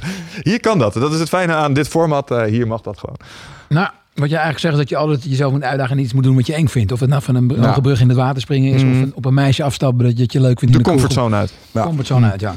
Maar ik ben het wel echt met je eens dat als je me nu vraagt van eh, stap ongetraind de ring in met een goede vechter of ga nu stand-up comedy, comedy doen voor een eh, volle kritische zaal. Ja, Dat ik echt eh, liever met Mike Tyson in de ring kom, sta. we gaan boksen. Gaan Ja, boksen, ja. slaan we snel knock-out, dan is de pijn snel weer maar. En wat, en wat we net zeggen, als je, als je een beetje een ingesukkeld publiekje hebt... die denkt van nou, het is 20 minuten Jens Oldekalter... en nou, laat hem zijn verhaal maar draaien... en jij draait zijn verhaal wel. Dat is een stuk minder eh, riskant dan comedy. Want als je na vijf minuten gewoon niet grappig bent... Dan, dan ben zijn ze je zat. Ja, dan is het En klaar. weg. Ja, ze, ze laten het ook echt merken. Ja. Je hebt in Amsterdam ehm, heb je cursussen, stand-up Mhm. comedy. Ja. En een, een vriend van mij, een hele dappere vriend vind ik, die heeft zich daar heel sneaky voor ingeschreven. Echt? Oh, Ja. je gaat het doen? Nee, die heeft het al gedaan. Oh, oké. En hoe Hm. ging het? Nou, dan komt hij niet zo heel goed. maar hij heeft het dus twee keer gedaan. Ja. Eerste keer kon ik er, eh, ik kon er niet bij zijn. Eh, maar ik heb toen de, de video gezien. Toen vond ik hem, eh, ja, ik vond hem het eigenlijk wel heel aardig doen. Maar hij had ons op een gegeven moment op de hoogte ervan gesteld. Dat hij, Mhm. het waren tien trainingen. En na de achtste keer zei hij eh, van, nou jongens, dit stuurde hij zijn directe vrienden in een mail. Van, ik wil dat het deze groep, binnen deze groep blijft. Want ik vind het doodeng. Maar dit Ja, ben ik zo acht weken aan het doen. En ik heb over, ik veel twee of drie weken heb ik mijn grand finale. Ja, ja, ja. Oh, en wat was oefening? Vijf minuten of zo? ja, acht, acht of tien minuten. Ver- Wow. even verplicht grappig zijn. Oh. En je moet dus je eigen vrienden meenemen. En alle andere kandidaten nemen ook vrienden Ja, mee. dus je hebt een en, en, en, en nog wat liefhebbers. Ja, ja, ja. Ehm, dus dat is hij gaan doen. En toen heb ik eh, een andere vriend van mij. Die bijna, nee, die werd 40 vorig jaar. Die heb ik dit cadeau gegeven met, met onze vriendengroep. Oké. Ook zo'n eh, Omdat ik ehm, eigenlijk al heel lang vind dat hij eh, naast zijn werk, hij heeft een hele goede baan, Mhm. maar hij eh, zou zijn talent echt verspelen als hij hier niet wat mee zou gaan doen. Ja. Dus toen, eh, Want hij is heel grappig of zo. hij is zo vreselijk eh venijnig met zijn tong. Hm. Eh, vaak, Een vaak bek als een. Maar echt een bek als een scheermes. Ja, dat is mooi. hem altijd de gifslang. Ja. En hij kan zo filijn uit de hoek komen, zo geestig. En ik kan best een praatje houden en een speech geven. Maar bijvoorbeeld op zijn huwelijk kwam hij uiteindelijk, was hij zelf aan de beurt. Het was gewoon een, een one-man show van drie kwartier. En ik Ja? heb drie kwartier met 200 man in, echt in een scheur gelegen. ja, dat is vet. Wel, Op de begrafenis van Kan zijn moeder ging hij weer. Ja. Ja, het was ding natuurlijk triest, maar het was het- het- hoe hij zijn moeder neerzette. Het was gewoon, iedereen zit gewoon door zijn tranen heen keihard te lachen. ja, maar dat zijn vaak de beste uitvaarten. En toen heb ik hem, eh, zonder dat hij het wist, op zijn verjaardag hadden we dus dit bedacht. Hm. En er waren wel weer wat mensen, want er werd 40. Ben ik op de tafel gestaan en heb ik dit een beetje verteld. Mhm. En dat dus die andere jongen dit al aan het doen was. En dat binnenkort die finale was. Mhm. Waarbij eh, wij allemaal mochten komen. En ik hem dus uitnodigde om te komen kijken. Maar dat jij die dus ook gaat doen. Ja. Zei toen, maar om het even alvast warm te lopen, mag je nu hier zelf even staan om, eh, om ons hiervoor te bedanken. Nou, toen trok aan het gezicht wat hij al trok. Ja, hij liep dit weg waarschijnlijk. Nee, maar gewoon dat, dat- die, die, die, die kop van. En Kut. toen ging die acht minuten Ja. bam, uit zijn losse pols. Had, gewoon iedereen is wil lachen. Dat is gewoon dat kan. echt tof. Ja. Hij zit dus, eh, eh, even kijken, hij zit nog niet aan het doen, want hij is veel in het buitenland voor zijn werk. Maar Aha. hij zegt dus, ik ga het echt doen. Ja. En ik hoop ook dat hij zichzelf eraan houdt. Ehm, omdat ik echt denk, nou, als je zo'n talent hebt, ik zou willen dat ik zo grappig was. Ja. Ik Dan ben zou ook ik, dan zou ik het zeker mensen. durven. Ik, Ja. ik denk niet dat ik stand-up comedy, dat durf ik. Ik durf veel. Misschien dat ik mezelf één keer toe dwing. Maar ik denk dat het gewoon, Nou, en dat is als precies, je me wel ziet Ja, struikelen, moet je ja, nou, dat is kijken. precies want- wat Rem en ik ook hebben gezegd. We, gaan- we vinden het echt fucking end. Maar ehm, juist omdat het eh, waarschijnlijk de hoogste vorm is eh, eh, van de kunst, moeten we het gewoon maar eens een keer proberen. En juist omdat het Nou. balzout is en dat je... Ja, Jij begint. kom op, gaan we. Ja, maar gaan we nu, hè? Ga, zeg, ga, ga daar staan.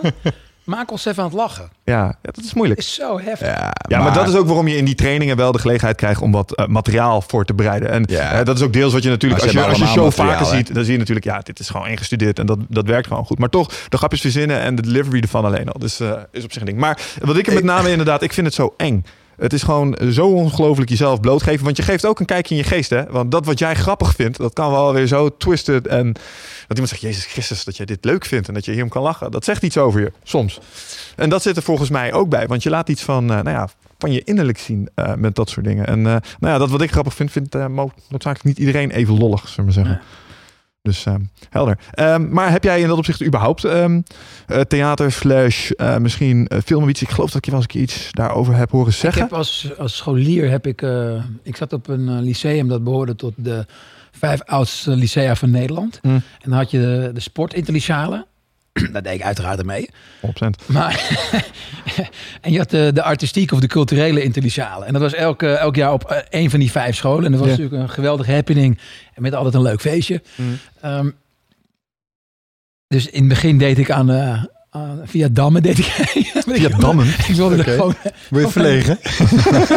Want ik was niet zo goed. Ik schaakte niet, dus ik ging Nee. dammen. Ja. En niemand deed dat. Eh, want niemand vond het leuk. En ik met een vriendje deed, heb twee jaar meegegaan met dammen. Was je goed? ja, er.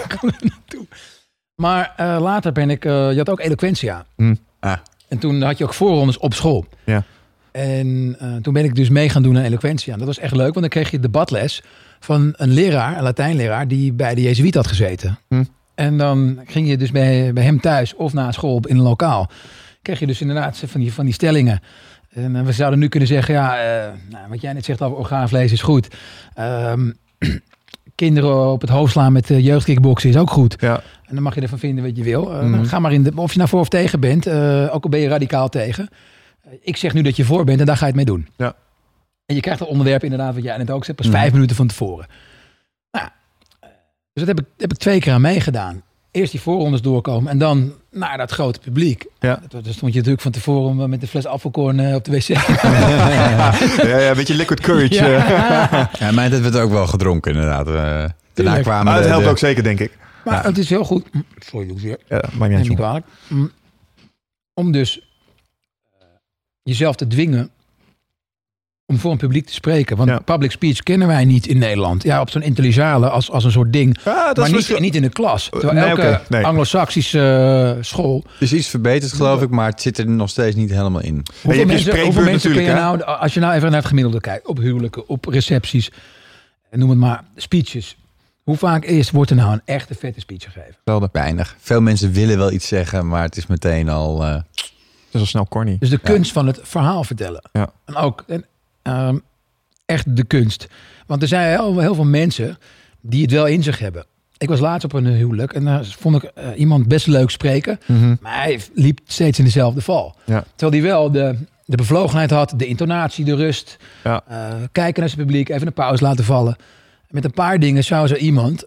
Ja, die zou zo'n persoon zou vlieguren moeten maken. Ja. Zou gewoon Ja. moeten doen, doen, doen. Kijken wat werkt, kijken wat niet werkt. En eh, ja, gewoon veel, eh, veel doen. Eh, Ik denk dat dat ook wel... eh, ja, en dat is natuurlijk ook wel een ding. eh, dat eh, en dat blijft voor mij wel. Want we hadden het over. Ben jij nog wel eens eh, zenuwachtig als je gaat staan? Ja, ik merk dat eh, als ik nieuw materiaal heb, nieuwe trainingen moet geven... dan merk ik toch altijd nog wel een beetje gespannen bent. En dat... Ja, eh, dan gaat het ook niet altijd even soepel. Maar als je bestaand materiaal hebt, dat voelt als een oude schoen. En dan ben je gewoon lekker op je gemak. En dan kun je ook gewoon lekker gaan staan shinen daar eh, voor het publiek. Dan kun je gewoon je ding gaan doen. Ja. En, en dat is wel heel erg...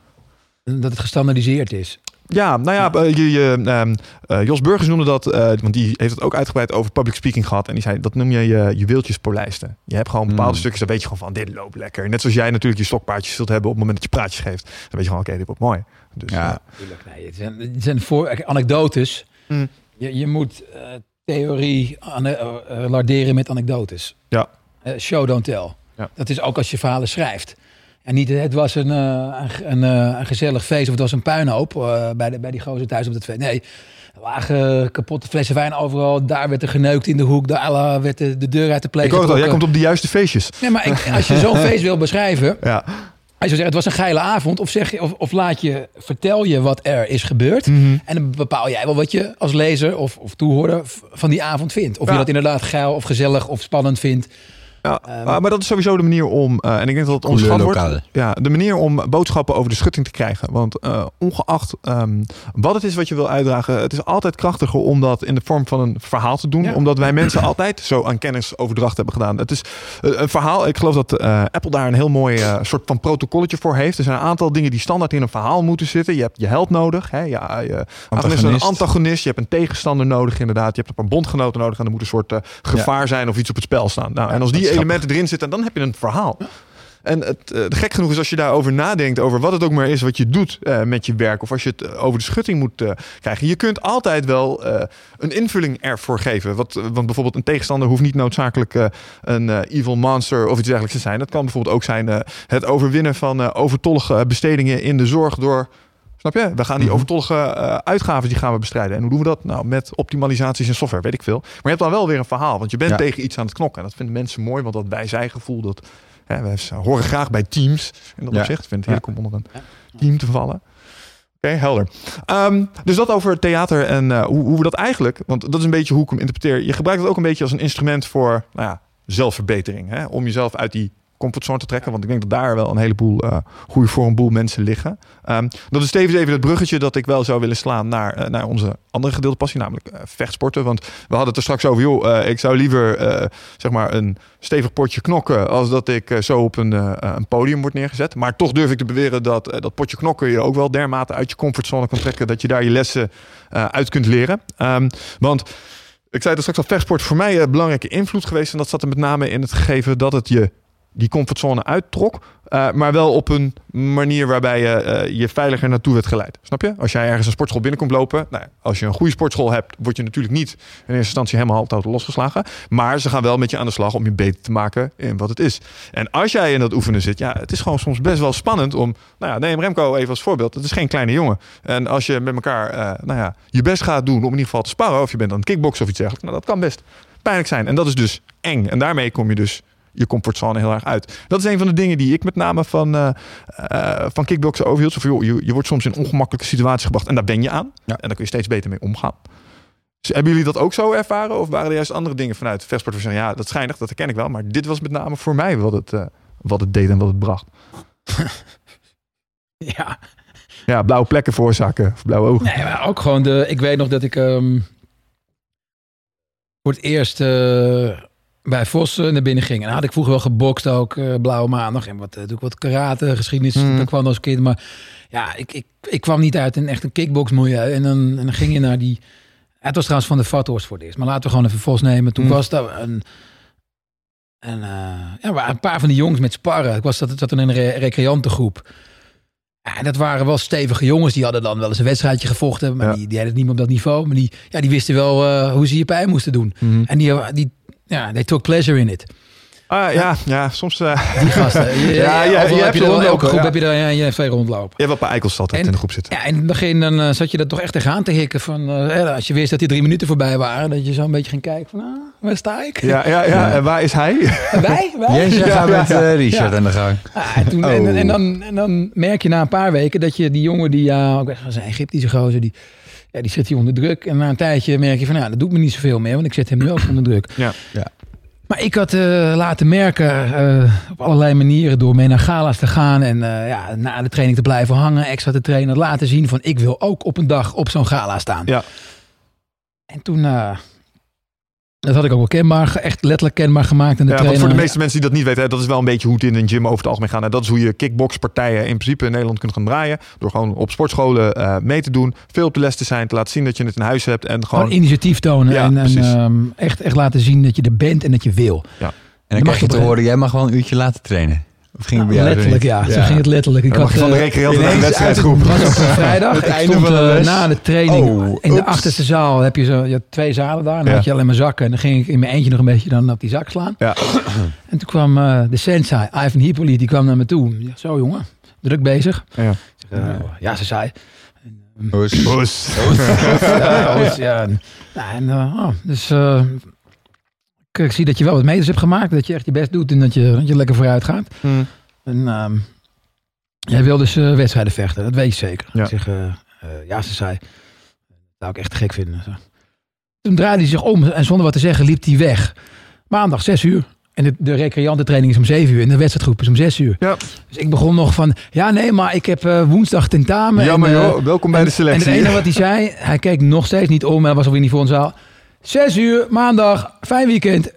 Ja, wel gevoel voor dramatiek, hè? die Ja, politie. ja, ja, ja, Dat klinkt ja. helemaal Heel eh, theatraal dit. Hij, had nog net niet zijn sigaar in zijn mond. Ja, Die- ja. Die, die. Maar stond je er de volgende Monday. Wat? De, de volgende keer stond ja, je er natuurlijk ik er. Je Maar ik, stond er. ik weet wel dat ik nog die middag, eh, die maandag, was ik aan het studeren op de bibliotheek. En eh, dat ik echt eh, geen letter geleerd en gelezen heb. ja. Dat ik echt gewoon zenuwen had. Ja, Ja. Want ja, je hoort allemaal verhalen van je, hè, je eerste les Dus, halen. Dan ja. krijg je toch een pak slagen. En, Ja, eh, toen kwam ik de, de kleedkamer binnen en al die jongens, hey, fresh fish. eh, ja, fish ja, en, eh, ja. To the slaughter. En, eh, nou, dan gaan we even zien wat hij wat die in huis heeft. Want naar galaatjes gaan Ja, en kunnen we hoor allemaal. Michel net Ja. zeggen van ja, nee, ze begeleiden je daar heel Ja, voorzichtig en, eh, in. maar nu Nou, eigenlijk, in ja, Amsterdam niet Nou, hoor. eh, Dat doe je in het oosten wel.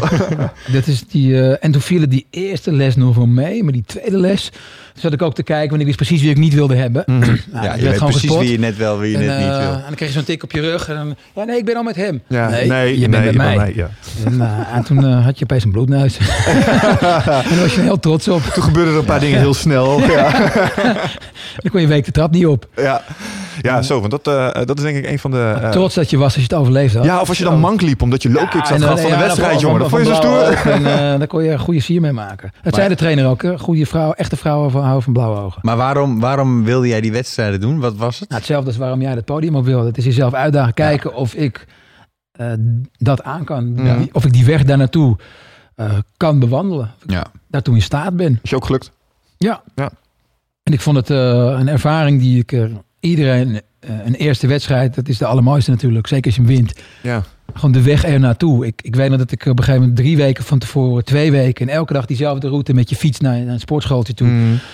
En, eh, en dan heb je op een gegeven moment maar drie dagen. Of, en dan denk je, jeetje, dit weekend gaat het gebeuren. De En, laatste nacht, jongen. Ik heb geen dicht gedaan toen. nou, redelijk. Maar dan word je wakker en dan ga je je spulletjes pakken. Maar ik voelde me echt heel goed. Ik was afgevallen, ik was strak. En eh, Mm. ik had er echt zin in. En toen, en toen gingen we naar die sportschool toe, in die steeg bij Vos. En toen stonden daar, eh, nou, ik ben nog een jongen met wie ik eh, trainde, Gijs Brad, een A-klasse jongen.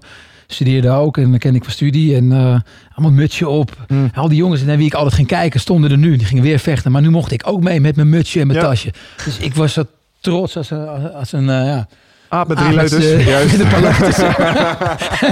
En ik, ik had toen al gewonnen voor mijn gevoel. Ja. En toen kwam ik in Groningen, daar was het. En we reden daar binnen. En dat was met Ernesto, die stond in mijn hoek. Vond ik ook wel cool. Ja, dat snap ik. En er waren vrienden meegekomen. Mijn vader was meegekomen, die, terwijl hij het eigenlijk helemaal niks vond. Mm.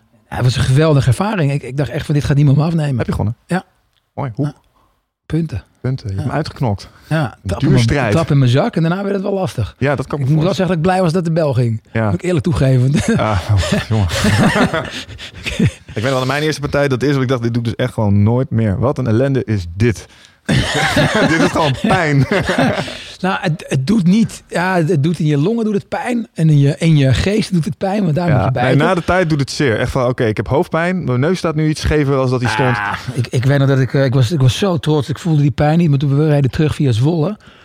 Toen gingen we daar bij een tankstation. eh mocht natuurlijk alles eten wat je wilde, Ja. wilde vreten eindelijk. Lekker. En dat de deur open ging. En dat je dus een uur al stilgezeten. En dan ging zo dat, die, dat been echt...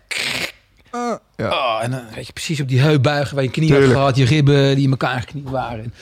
En dan, eh, dan kon je drie dagen niet lopen. Ja, want dat, ik snap dat als je dit eh, hoort en je denkt, oh, kickboksen leuk. Dat dit natuurlijk niet echt een promo-plaatje is. Maar dit zijn natuurlijk, eh, eh, dit is iets wat wedstrijdjongens meemaken. Want als het goed is in, nou wel, je hebt wel eens trainingen waarbij het sparren ook wel, wel pittig is en je wel iets, iets meekrijgt. Ja. Maar dat wordt over het algemeen in de recreantengroepen, waar Jens het zojuist over had, natuurlijk wel enigszins gedoseerd. En naar die wedstrijdgroepen, daar kom je echt Ja. niet zomaar in natuurlijk.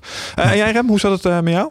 Ehm, ja, nou, ik, ik, ik heb denk ik, als ik terugkijk, altijd wel fascinatie gehad voor, voor vechtsporten. Ik keek naar de WWF. Ik keek ook altijd naar Sterkste Man. Vond ik altijd Mm. mooi. Op een gegeven moment op judo.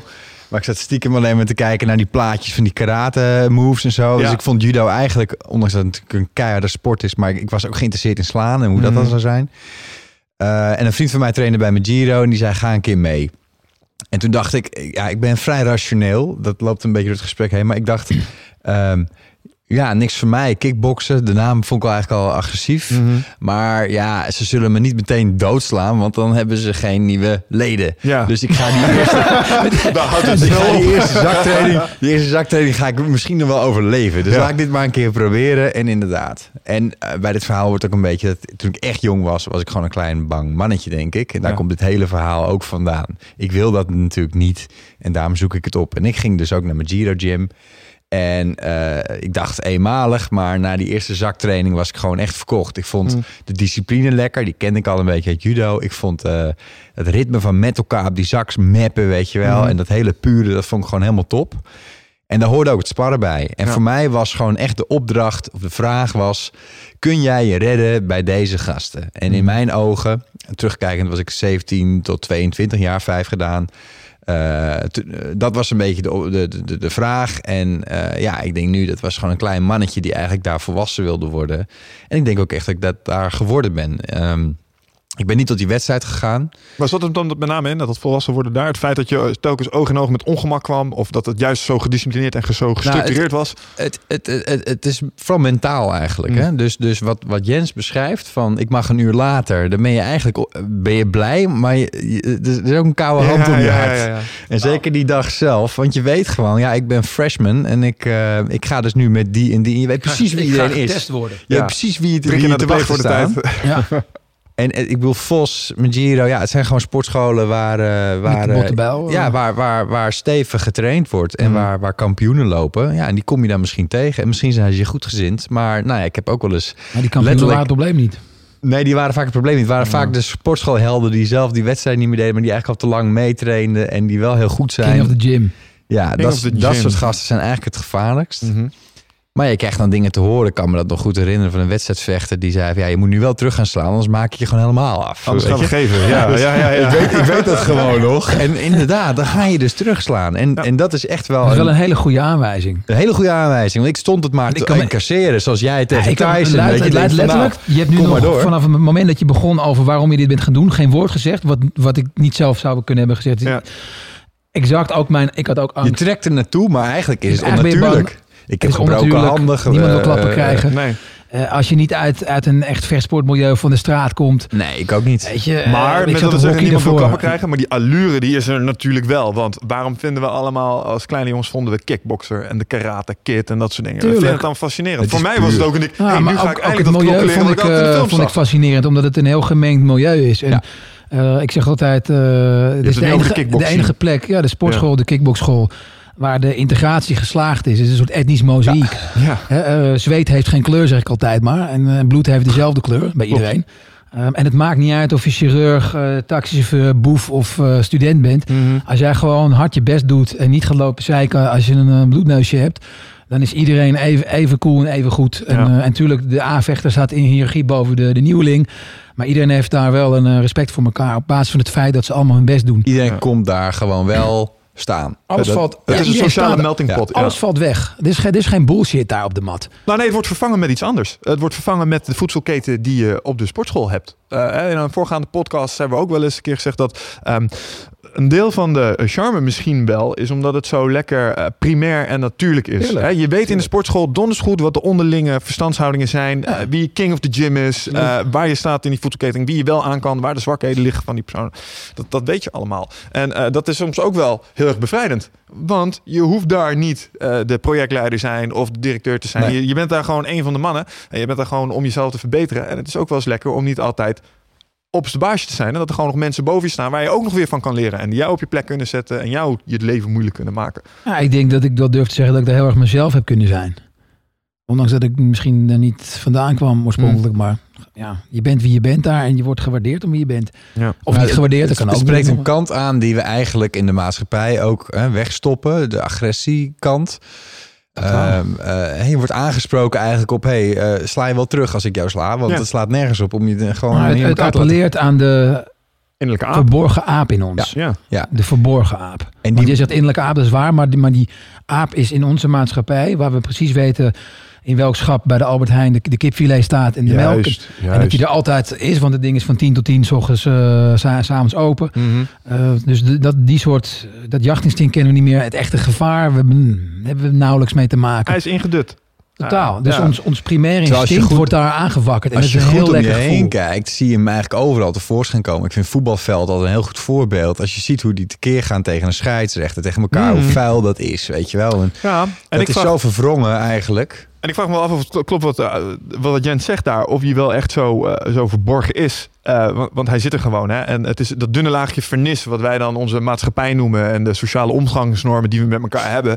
Ehm, ja, ik moet dan altijd een beetje denken aan Katrina en New Orleans.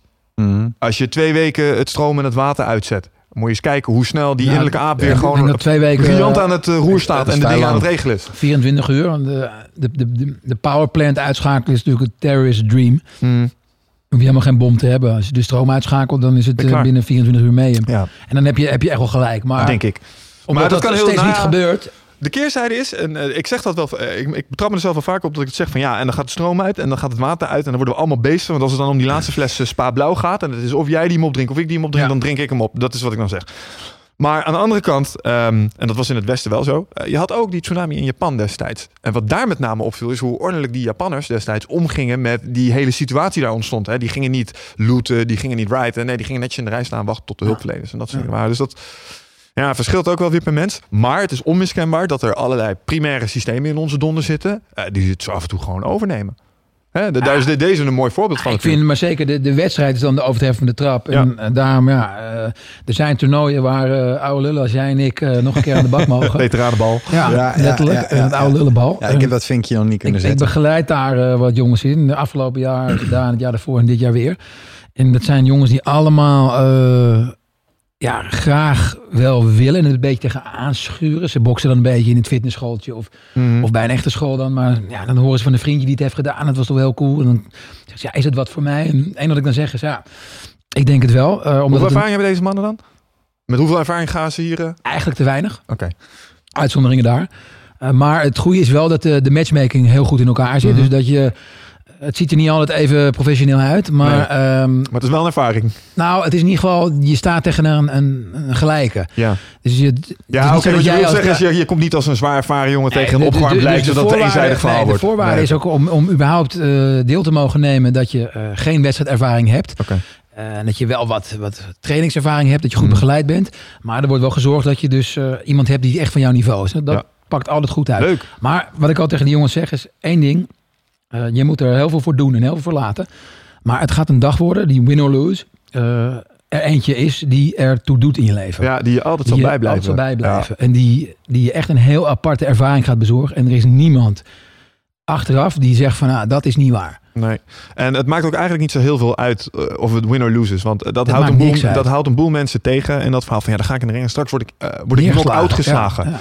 Eh, ja, dat is part of the game. Maar ik kan je er vertellen als iemand die een heel... Ja, precies, je stond er. En met dat jij die ringtouw doorstapt, heb je eigenlijk al gewonnen. Want je hebt je angst overwonnen en je staat en je gaat het gewoon Ja, doen ook. ja, Nou, voor mij was dit echt de reden dat ik niet verder wilde. Ik, ik had er op een gegeven moment gewoon genoeg van eh, om eh, op mijn hoofd geraakt te worden. Ja. Ik wilde dat gewoon niet meer in mijn leven. Nee, dat ik heb ook wel gebloot en ik dacht ook, dit wil ik niet in mijn leven. Eh mocht geen naam hebben, maar ik deed het en ik dacht, ik word hier moe van. Mhm. Wil ik niet. Dit maakt me niet Wat doe ik scherper. nog meer waarvan ik denk, ja, help me dit om scherper en slimmer en mijn studie door te komen. Mhm. Nou, dat, dat, dat geboks, nee. Dus ik, ik had voor mezelf bewezen dat ik me staande kon houden. Ik ben niet gestorven daar op de mat.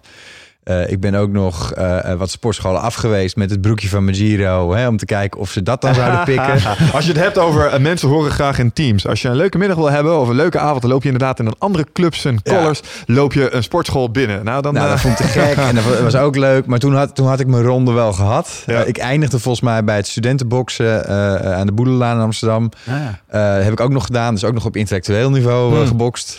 Chessboxing. Maar toen dacht ik, ik ben wel klaar. Want dat tik op je hoofd is gewoon link. Nee. En ik vind het eng. Ik vind het echt eng. Ik, ik wil dat risico niet. En ik, Nou. ben het helemaal, ik, ik ben het helemaal met jullie eens. Het is ontzettend waardevol, denk ik ook. En een, een live event om dat te doen, die partij. Mhm. Maar voor mij is dat gewoon... De deal is gewoon eh, niet eh, gunstig Nee, nou, dan ben ik redelijk zo klaar. Dan wordt het gewoon een Braziliaans jiu-jitsu toernooi. Dan heb je dat hele probleem niet.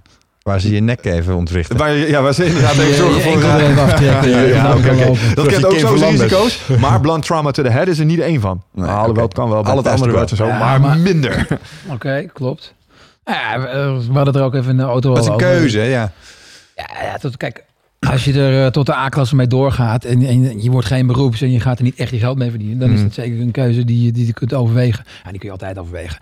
Maar voor een paar partijtjes vond ik het wel de moeite waard. Maar het is wel zo dat ik me herinner, want ik deed in mijn studietijd, Mhm. dat je van zes tot zeven dus die wedstrijdgroep en dan eh, af en toe kreeg je een paar echte van die, van die ketsers voor je kop. Ja, Dat je op dat moment al wist van nou, dat, ik, dat ik nog sta. Hè. ja. En, ja ehm, dat heb ik ook eens gehad. Dat je een tik kreeg en dat je zegt, oh klasse, ik ben nog bij bewustzijn. Dat zagen we niet aankomen. ah, het waren ook altijd dezelfde natuurlijk. van sta, ik ja, sta hey, nog. ik sta Ja, kijk, ik sta nog. Ik heb hem weggekoud. Maar dat je wel, ja, eh, dat je wel voelde dat je gewoon drie weken zo- je, je, je kaak aan barrels lag.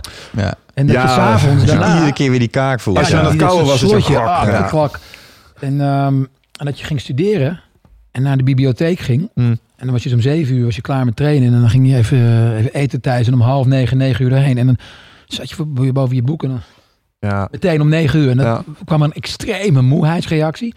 En die manifesteerde zich altijd wanneer je harde klap had gehad. Dus Ja. ik, ik, ik kan daar niet anders dan van zeggen, ja, dat is eh, gewoon direct oorzakelijk Oh, verband. er zijn ook dagen geweest dat ik na een eh, eh, spar... eh, want soms zijn eh, de trainingen op de gym zijn soms nog wel eens harder dan in de fucking ring. Je hebt soms van die momentjes, dan eh, zijn die wedstrijdjongens die zitten lekker erin... en dan ben je gewoon aan het vangen als iemand die een wedstrijd aan het vechten is. Ja. Want je gaat gewoon op de timer en die jongens vechten een minuut wel uit.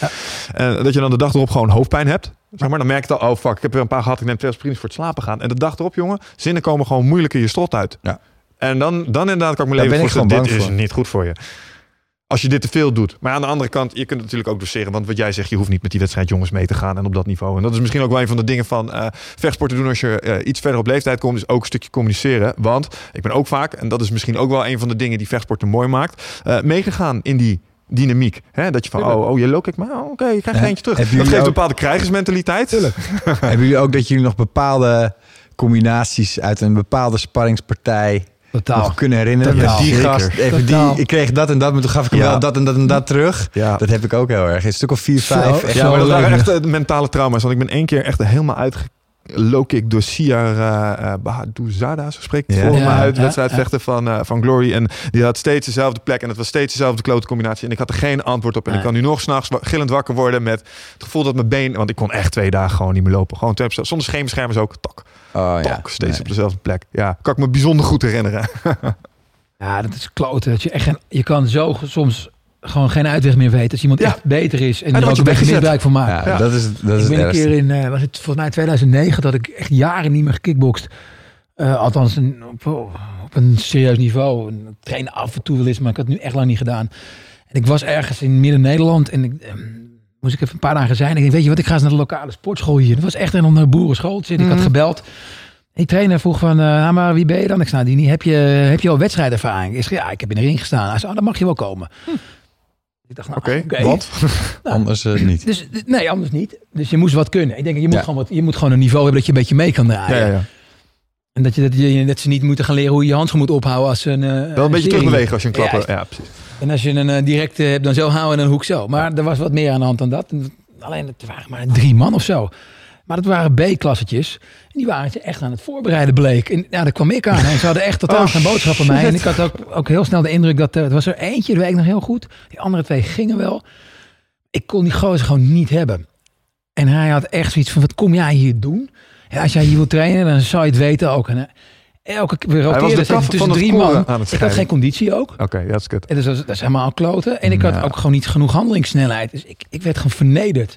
En ik, vond, ik ben echt daar gewoon verdrietig weg. Ga niet van de pijn, maar van de vernedering. Maar op een gegeven moment, ja. Echt, dat je jezelf echt een sukkel voelde. Ja, soms is het echt zo'n eenzijdig verhaal. Dat klopt. Ja, dat, dat- dat je echt Het denkt, gewoon een monoloog van zijn Ja. kant. En, En, eh, en, de- nou ja, we hadden het er straks. eh met kickboksen kun je dat hebben. Ik kan dat ook nog wel eens met Braziliaanse jiu-jitsu hebben. En dan is de vernedering vaak... eh, nou, ik weet niet hoe de, hoe de gewichtsverhoudingen hij- hij hier lagen. kom, kom een keer terug als je hier wat te doen hebt, vriend. Oh, dat is naar. ja. Ja. heel naar. Dat is echt, echt naar. Ja, maar wat ik dan nog wel eens meemaak is, eh, met, en dat is met Braziliaanse jiu-jitsu zo, dan, dan doet techniek er ook toe. En gewicht en lengte helpen soms wel, soms niet. Want je zou zeggen, ja, gewichtsklasse heb je met een reden. Maar ik vind dat met name vervelend als je als twee meter lang gast, 100 kilo, met Braziliaanse jiu-jitsu, dan word je opgevouwen iemand van een kilootje of 65, 70, die gewoon op techniek Gewoon helemaal fout. Eh, daar word ik dan droevig van. Dat je gewoon echt, ik had gewoon geen opties. Ik kon Ja. gewoon niet. Ik heb met lompe kracht heb ik het geprobeerd. Ik dacht dat ik sterk was. Viel vies tegen. Weet je? Dus ja, het- Ah, ik vraag me af wat, wat dan... Dat is nou echt techniek, maar wat dan anders voelt. Wat bedoel je? Nou, met wat ik, waar ik net het voorbeeld Nou, ik, kan, eh, ik, ik krijg liever, denk ik, eh, low kicks eh, aan alle kanten van heb je nog het gevoel dat je terug kunt stoten. Maar niks is, is lastiger, vind ik, als het bij Braziliaanse Jiu-Jitsu bijvoorbeeld worden vastgelegd. En er ligt iemand eh, als ja. 100 natte deks en je kan niks. Nee. En je wil kantelen en het lukt niet. En dat, oh, die frustratie. Machteloosheid, ja. Ja, dat, dat, machteloosheid. Een Dat, dat bondage. ja, bijna, Ja. bijna, bijna bondage, ja. Oké. ehm, ja, dus ehm, ja, vechtsporten in dat opzicht altijd wel een, eh, eh, een belangrijke eh, rol in onze levens gehad. Dus ehm, ja, ik denk dat eh, eh, mensen die hier naar luisteren en eh, die zoiets hebben, ja, ik zou het toch wel eens een keertje willen proberen. Ehm, pak gewoon inderdaad eens een keer een, eh, een recreantengroepje. Zoek een, een leuke sportschool. Ja, dat is belangrijk. Een, Ja. een, een degelijke, fatsoenlijke sportschool zoeken. Ja. Ja, waar ze inderdaad meerdere groepen hebben. Ik denk dat het een goed teken is. Ja, misschien ook wel een beetje commerciële insteek. Wel een echte verschool, maar dan Ja. Ja. waar de zaak goed in elkaar steekt. Ja, ik weet niet of dat zo is. Eh, Je hebt, eh, als je hier in Deventer kijkt, heb je een aantal sportscholen. eh, of hier in de regio heb je een aantal gyms. Je hebt de wedstrijdgyms. En iedereen die echt wil leren knokken, knokken. Want ik wil leren zelf verdedigen en ik wil op straat weerbaar zijn. Die zegt, ik ga naar zo'n school. En mensen die zeggen, joh, vechtsport lijkt me heel erg mooi. En ik zou wel een beetje zeg maar, met die spanning in aanraking willen komen. Maar je hebt ook sportscholen, dat zijn die recreantenclubs. Het zijn gewoon, die vinden het leuk om te kickboksen. En dat is ontspannen. En dan lopen niet de wedstrijdjongens tussen. Die dan ook nog eens ja, zo af en toe hun training proberen te halen op nou ja, onschuldige voorbijgangers. Zoals Jens in dit specifieke geval. Eventjes tot, eh, tot doelwit eh, Nou ja, aan de andere kant- bombarderen. Ja, ik, eh, ik heb die afstraffingen op de gym ook wel gehad. Ehm, en dat is op zich ook wel heel krachtig aan. Want je leert verliezen. Nou, en dat Ja. vind ik het mooie aan vechtsport. En daarom ben ik ook heel blij dat bijvoorbeeld mijn neefjes nu ook op vechtsporten worden gedaan. Want bij vechtsport is het wel lekker binair. Ehm, tegenwoordig, elk kind is gelijk, zeg maar. Eh er bestaat ge- vaak eh, bij spelletjes halen ze winnen en verliezen er een beetje uit. Want iedereen, het gaat om de bijdrage. Fucking onzin. Want in de maatschappij heb je echt wel winnaars en verliezers. Eh, Nou, en als je dat ergens ook. leert, dan is het bij vechtsporten wel. Toch? Want je inzet was niet, was niet genoeg. Je en moet daarom niet heb je doen alsof verloren het van er deze niet bij persoon. hoort. Nee, dat Wat zeg je- je moet niet doen alsof het er niet bij hoort. Nee, dat vind ik ook. Ja. Ik vind samen dingen opbouwen ook een goede kwaliteit. Maar Nee, Ja, maar je, moet, je moet wel leren in het leven dat je kan, gewoon kan verliezen. En, ja. en daar moet je ook mee leren omgaan. en, dat je dan ook, en dat je een draai om je oren kan krijgen. Ja, en eh, dan, dan eh, ik, denk- ik denk dat daar ook een stukje karakteropbouw in zit. Ja. Als je kijkt naar vechtsport. eh, het terugkomen ondanks dat je verloren hebt. En dat je weet dat je weer gaat verliezen. Maar dat het nodig is Je om... moet letterlijk knokken. Ja. En het is ook goed om, als, zeker voor kinderen, elkaars energie te leren voelen. Ja, maar ik denk dat ook los van kinderen dat daar de domein overstijgende les zit die je dan meeneemt. Kijk, want jullie als vechtsporters, je neemt het mee in wat je verder doet. Hè? Je neemt het mee in je advocatuur, jij neemt het mee in eh, je journalistijn en je auteurschap. Want dat zijn die eigenschappen die je meeneemt. Want daar heb je ook soms dingen waar je geen zin in hebt, maar je gaat het Ja. desondanks ga je het wel doen. Ja. En ik denk dat de vechtsport je dat voor een belangrijk deel ook eh, bijbrengen. Nou, goed. Ehm, Genoeg daarover. Eh, ik heb eigenlijk nog eh, ook even gelet op de tijd, want die vliegt. We zitten inmiddels alweer over de twee uur heen. Ik vind het eh, leuk. Ik heb nog wel één vraag die ik ehm, iets vaker wil gaan laten terugkomen in deze podcast. eh, omdat ehm, ik heb zelf recentelijk een eh 30-day eh, book challenge eh, gedaan met speedreaden. Erg leuk. Ehm, dat heeft me veel gebracht. Daar ben ik erg enthousiast over. Ehm, en ik ben dus altijd wel een beetje op zoek, op dit moment met name, een beetje deformatie daardoor, wat mensen op dit moment lezen. Eh, en een van de vragen die ik dan nog eventjes als laatste zou willen behandelen is, wat zijn boeken waar je de laatste tijd, die je gelezen hebt, waar je dacht, wauw, dit was een goeie en dit was wat ik eruit heb gehaald en dit is waarom ik zeker zou aanbevelen, joh, lees dit. Want dit bracht mij verder in wat ik probeer te doen of wat ik gedaan heb. En om, om je even tijd te geven om na te denken, zal ik hem eh, zelf even ehm, aftrappen. Een van de boeken van het afgelopen twee jaar die mij echt het meeste eh, inzicht hebben gegeven was eh, The War of Art van eh, Stephen Pressfield. En dat is een boek dat zou jou als schrijver misschien aanspreken, want hij pakt het voorbeeld schrijven en het weerstandstuk waar we het eerder over hadden. dat je zo af en toe gewoon ja, geen zin hebt in, in, in je werk doen. Maar dat het juist zo belangrijk is om dat wel te doen. Omdat juist op het moment dat je de effort erin gaat stoppen, waar je op dat moment even geen energie in hebt, dus je overwint je weerstand, dat is wanneer inspiratie komt. En dat is waar je naar op zoek bent en wat het ook is wat je aan het doen bent. Of je bent aan het schrijven, of je bent een dagvaarding aan het schrijven, of je probeert een goed projectplan of een offerte in elkaar te zetten. Je bent op zoek naar dat moment van inspiratie. En hij zegt dat moment dat komt dus alleen door de uurtjes te klokken en middel, de middelvinger op te steken naar dat gevoel in je hoofd. Zeg, ik heb er geen zin in. En dat was eh, voor mij echt van, ja, daar benoemde hij een aantal dingen en legde hij de vinger op de zere plek. En ik dacht, ja, dit is voor mij super relevant. En dat kun je bij jezelf leren herkennen. En op het moment dat je ziet dat je in dat gedrag zit en je wil in die dark playground waar we het eerder over hadden, dat je nee, nee, nee, nee. We gaan eerst dit doen, want dat is waar mooie dingen liggen. En dan geniet je straks nog meer van het feit dat je ontspant. Nou, zodoende. Dus War of Art. Pressfield. Oh. Ja. Jens? ja, ga lezen. Heb je gelezen? Je hebt hem Ja, gelezen? vond, vond ook interessant. Vat ik hem goed samen zo? Ja, Ja. ja. eigenlijk is dit het. Je hoeft het niet meer te lezen. Nee, dit was de kort en krachtig eh, de samenvatting. En jij? Jij recentelijk nog... eh, Ehm, eh, ja, eh, ik zou meer willen lezen hoor. En ik, ik, ik, ik, ik heb een beetje het probleem dat ik, er liggen een aantal boeken klaar Oh, die ik graag wil lezen. Ja.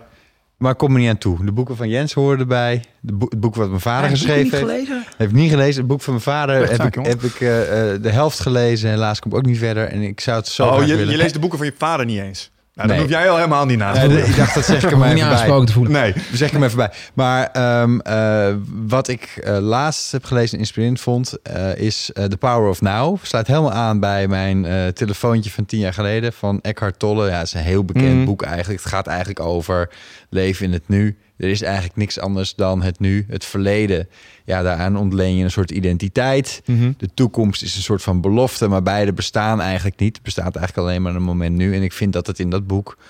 Ehm, ik, ik heb de Nederlandse vertaling gelezen. Ik vind dat het er heel helder in staat. Hm. Dus wat dat betreft hoef je niet eens de origineel, ja, volgens mij de origineel Duits. Ah, je bent de tweede deze week die eh, zo eh, enthousiast over Eckhart Tolle van eh, was. Het is, ja, het is een begrip hoor. En heel veel mensen hebben dit al gelezen. En, eh, maar ik hou wel van. Ik vind het dus wel lekker om zo'n boek te lezen. waarin eigenlijk heel veel dingen staan die je toch al een soort van zelf ook vindt. ja, open Maar deuren praten, hè? Ja, maar die Ja. je dan net even weer scherp zet. zijn, ja. Ja, ja, Ja, maar, maar, het is- soms... een roman vind ik ook wel wat waard. Maar ja, ik heb daar gewoon het geduld niet voor. Ik ben daarin te... Ik wil te veel dat het alles nut heeft. Ja. En wat haal je daar eh, ja, in het kader van nut? Wat heb je nou uit dat boek gehaald wat je eh, aan praktische plek in de praktijk weet te geven? Dit pas ik op die manier toe daaruit. Nou, dit is niet zozeer praktisch, maar meer een levensvisie. Hè? Dus Hmm. ik, eh, ik, ik vind de visie gewoon heel goed. Dat je, dat je eh, moet loslaten eh, waar je, waar je vandaan komt. Of in ieder geval de, de, de, patronen die je in je verleden altijd hebt bewandeld. Dat je die een beetje moet relativeren. Mhm. En dat je wat meer moet in het, in het nu zou moeten leven. Dat vind ik op zich een Hmm. hele goede gedachte. Dingen doen omdat je ze altijd zo gedaan hebt. Dus over het algemeen nee, dat werkt idee. eigenlijk niet. Nee, en dat werkt niet. Dus ga vooral wel door en doe de dingen gewoon zoals ze vandaag er zijn. Mhm. En wees er dankbaar voor. Jeetje, ja, een wat stukje een- dan- wat een- eh, dat is wel belangrijk voor geluk. Ja.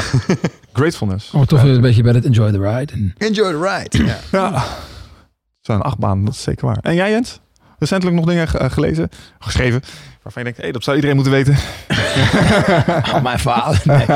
ik, heb, eh, nou, ik heb ook inderdaad net als Remco een, eh, een oneindige stapel die steeds Mhm. groter wordt. En ik koop heel graag eh, boeken. Ja. Eh, maar ik kom er gewoon niet aan toe. Eh, Ik kom eigenlijk alleen op, op vakantie echt goed aan toe om boeken te lezen. Mhm. Zo vaak ga je ook niet op vakantie. Dus. Ik blijf als ons. ik op vakantie ga, lees ik toch wel graag vermaak. Romans. Eh, wil ik, ja, romans, maar vooral spionageromans en thrillers. En. Maar ik heb nu ook een boek. eh, ik ben even de naam van de auteur kwijt. Maar ik vond het na, eigenlijk na de eerste alinea al pakkend. En Ja. Als ik dat niet heb, dan lees ik vaak niet verder. Oké. Beetje een diva, hè? Nee, gewoon ik vind dat een boek moet me wel een beetje binnen een paar pagina's pakken. Ja. Oké, ja. En eh, aan de andere kant, ik heb, durf ik ook wel doordat ik zelf schrijf te zeggen... eh, dat ik vrij snel kan zien of dit wat wordt of niet. De stijl van de schrijver. Schrijft hij vlot? ja, ja, Want je ziet binnen drie zinnen of een schrijver vlot is of niet. Klopt. En of het een, of een langdradige, wollige Als je al zo begint te kijken op het moment dat je de eerste paragraaf Oh, eens door bent, dan al- weet je hoe dat laat ik het is. Ja, eh, precies. bij de eerste bladzijde denk dat ik gratis fitness heb om die bladzijde om te slaan. En Ja. dat, dat moet je niet hebben. Dus ehm, eh, ik, dit is een, eh, ik heb hem gekregen. Ehm, het gaat over scriptwriting. En in dit geval filmscriptwriting. Maar dat kan je eigenlijk toepassen op allerlei eh, vormen van, eh, van schrijven. Het gaat Mhm. over de kunst van het verhalen vertellen. Waar we het net een klein beetje over hadden eigenlijk. Ja, Ja, en ehm, een van mijn favorieten, all-time favorites wat dat betreft. En die kan ik aan iedereen die wat meer van, met schrijven wil doen. Mhm. Of het nou is een advocaat die een goede brief wil schrijven. of iemand die een artikel wil schrijven of een boek. Is eh Onwriting van Stephen King. En dat is echt een, een great read van de master storyteller. Ja. Eh, het is autobiografisch, geweldig verhaal. Ontzettend leuk, grappig, ontroerend. Mhm. eh, vertederend, eh, verdrietigmakend en lachwekkend tegelijk. Aan de hand waarvan hij eh, ehm, ja, jou, zonder dat je dat eigenlijk doorhebt, als een personal coach ehm, op jouw di- op dingen wijst waarvan jij dacht dat het altijd heel goed was. Dat je dat goed deed, maar eigenlijk dat je stiekem... Eigenlijk gewoon een lul bent. Ja, ja, ja. ja. Gewoon een, echt een beginner. Ja, dan, heb je, dan heb je een goede te pakken. Ja, Even die leverstoot uit de gym. Mm, ja en, en een paar logics. Nou ja, luister, het is leerzaam. Soms moet je weten waar de gaten in je dekking zitten. En er is geen directere feedback als dat Nee, natuurlijk. maar het vervelende wel is dat je daarna, eh, hij, dat zegt hij ook, ga nou maar eens nu weer een krant lezen. Want hij zegt, alle krantenjournalisten doen het per definitie fout. Maar heel veel schrijvers ook nog. Dan hebben ze een goede plot, goede karakterontwikkeling. Maar dan gaan ze bijvoorbeeld, eh, wat hij noemt dialogue attribution. Wat echt een, een doodzonde is. Houdt het gewoon onnodige conversatie toevoegen of zo? Nou ja, eh, die in dialoog zijn schrijvers vaak bang dat ze eh, hun dialoog niet duidelijk, dat die niet duidelijk overkomen. Dus Mhm. gaan ze daar nog dingen aan toevoegen. Mhm. Eh, klootzak, eh, fulmineerde hij boos. Ja, ja, ja, ja. ja, Ja, als je klootzak zegt, dan roep je dat meestal. En Ja. dan weet ik ook wel door het feit dat, dat je iemand klootzak noemt, dat hij boos is. En dat je ook fulmineert. Dan hoef je Ja, dus niet te- ja. Maar je, als je nog Woord gaat van de letten... dag, fulmineren. Nou ja, ja, Mooi woord, ja. Gebruik het in de zin vandaag. Gebruik geen moeilijke woorden. Dat was eigenlijk- dus... ehm, Alright, goede tip. Ja. Ja, als je, als je een, eh, echt een schrijversboek wil lezen, dan eh, zou ik eh, het boek eh, Every Man, of in het Nederlands Alle Man van Philip Roth aanraden. Oké. Dat is echt een hele goede schrijver. Het is een dun boek. Heb je zo uit. Zeker als je eh, eh, 30, 30 boeken in een maand eh, eh, wil lezen. Speedreader, is hè? de- Speedreader. Speedreader is dat, is dat misschien wel prettig. Maar voor mij was het met name de zinnen, weet je wel. Het is zo Mooi en knap geschreven. Ja. Ik vond het een geweldig boek. Ehm, eh, Philip Roth, ja. Dag van de paal. ik Mooi. mijn lijst. Nou, eh, bedankt nog voor, eh, nou, voor die laatste tip. Eh, zoals ik zei het net al, we zijn inmiddels al een behoorlijk eind gevorderd weer in, deze podcast. Maar ik vond het wel weer een, een inspirerende. Ik vond het echt top om jullie vandaag hier zo in deze hoedanigheid in de studio te hebben. Wat mij betreft ook absoluut een keer voor herhaling vatbaar nog. Ehm, voor de luisteraars thuis, bedankt dat jullie weer geluisterd hebben. En voor de volgende podcast, even alvast een kleine teaser. Kun je een klein beetje googlen. We hebben een paar leuke mensen hebben we opgeleid staan. waaronder Remco Klaassen. Is een eh, inspirerend eh, eh, spreker die ook zijn boodschappen met de nodige humor zeker goed over de bühne Cool. weet te krijgen. En in diezelfde categorie ook de meneer Paul Smit. En dat is een soortgelijk eh, profiel, maar die heeft als, als markante eigenschap dat hij met name een specialist is in non-dualiteit. En ik hoop dat ik dat goed zeg. En dat is een, ja, ik ga het nu tekort doen. Ik wil zeggen boeddhistische levensvisie waarbij je volgens mij het op neerkomt dat individualisme, individualisme niet bestaat. Eh, en mensen eigenlijk allemaal één zijn en het universum eh, dat zichzelf beleeft. Dus dat eh, kon er nog wel eens wat fascinerende eh, meta-discussies eh, met zich mee gaan brengen. Ehm, nou ja, iedereen nogmaals eh, bedankt voor het luisteren en eh, tot de volgende keer. Thanks. Dankjewel Ciao. voor de uitnodiging. Graag gedaan.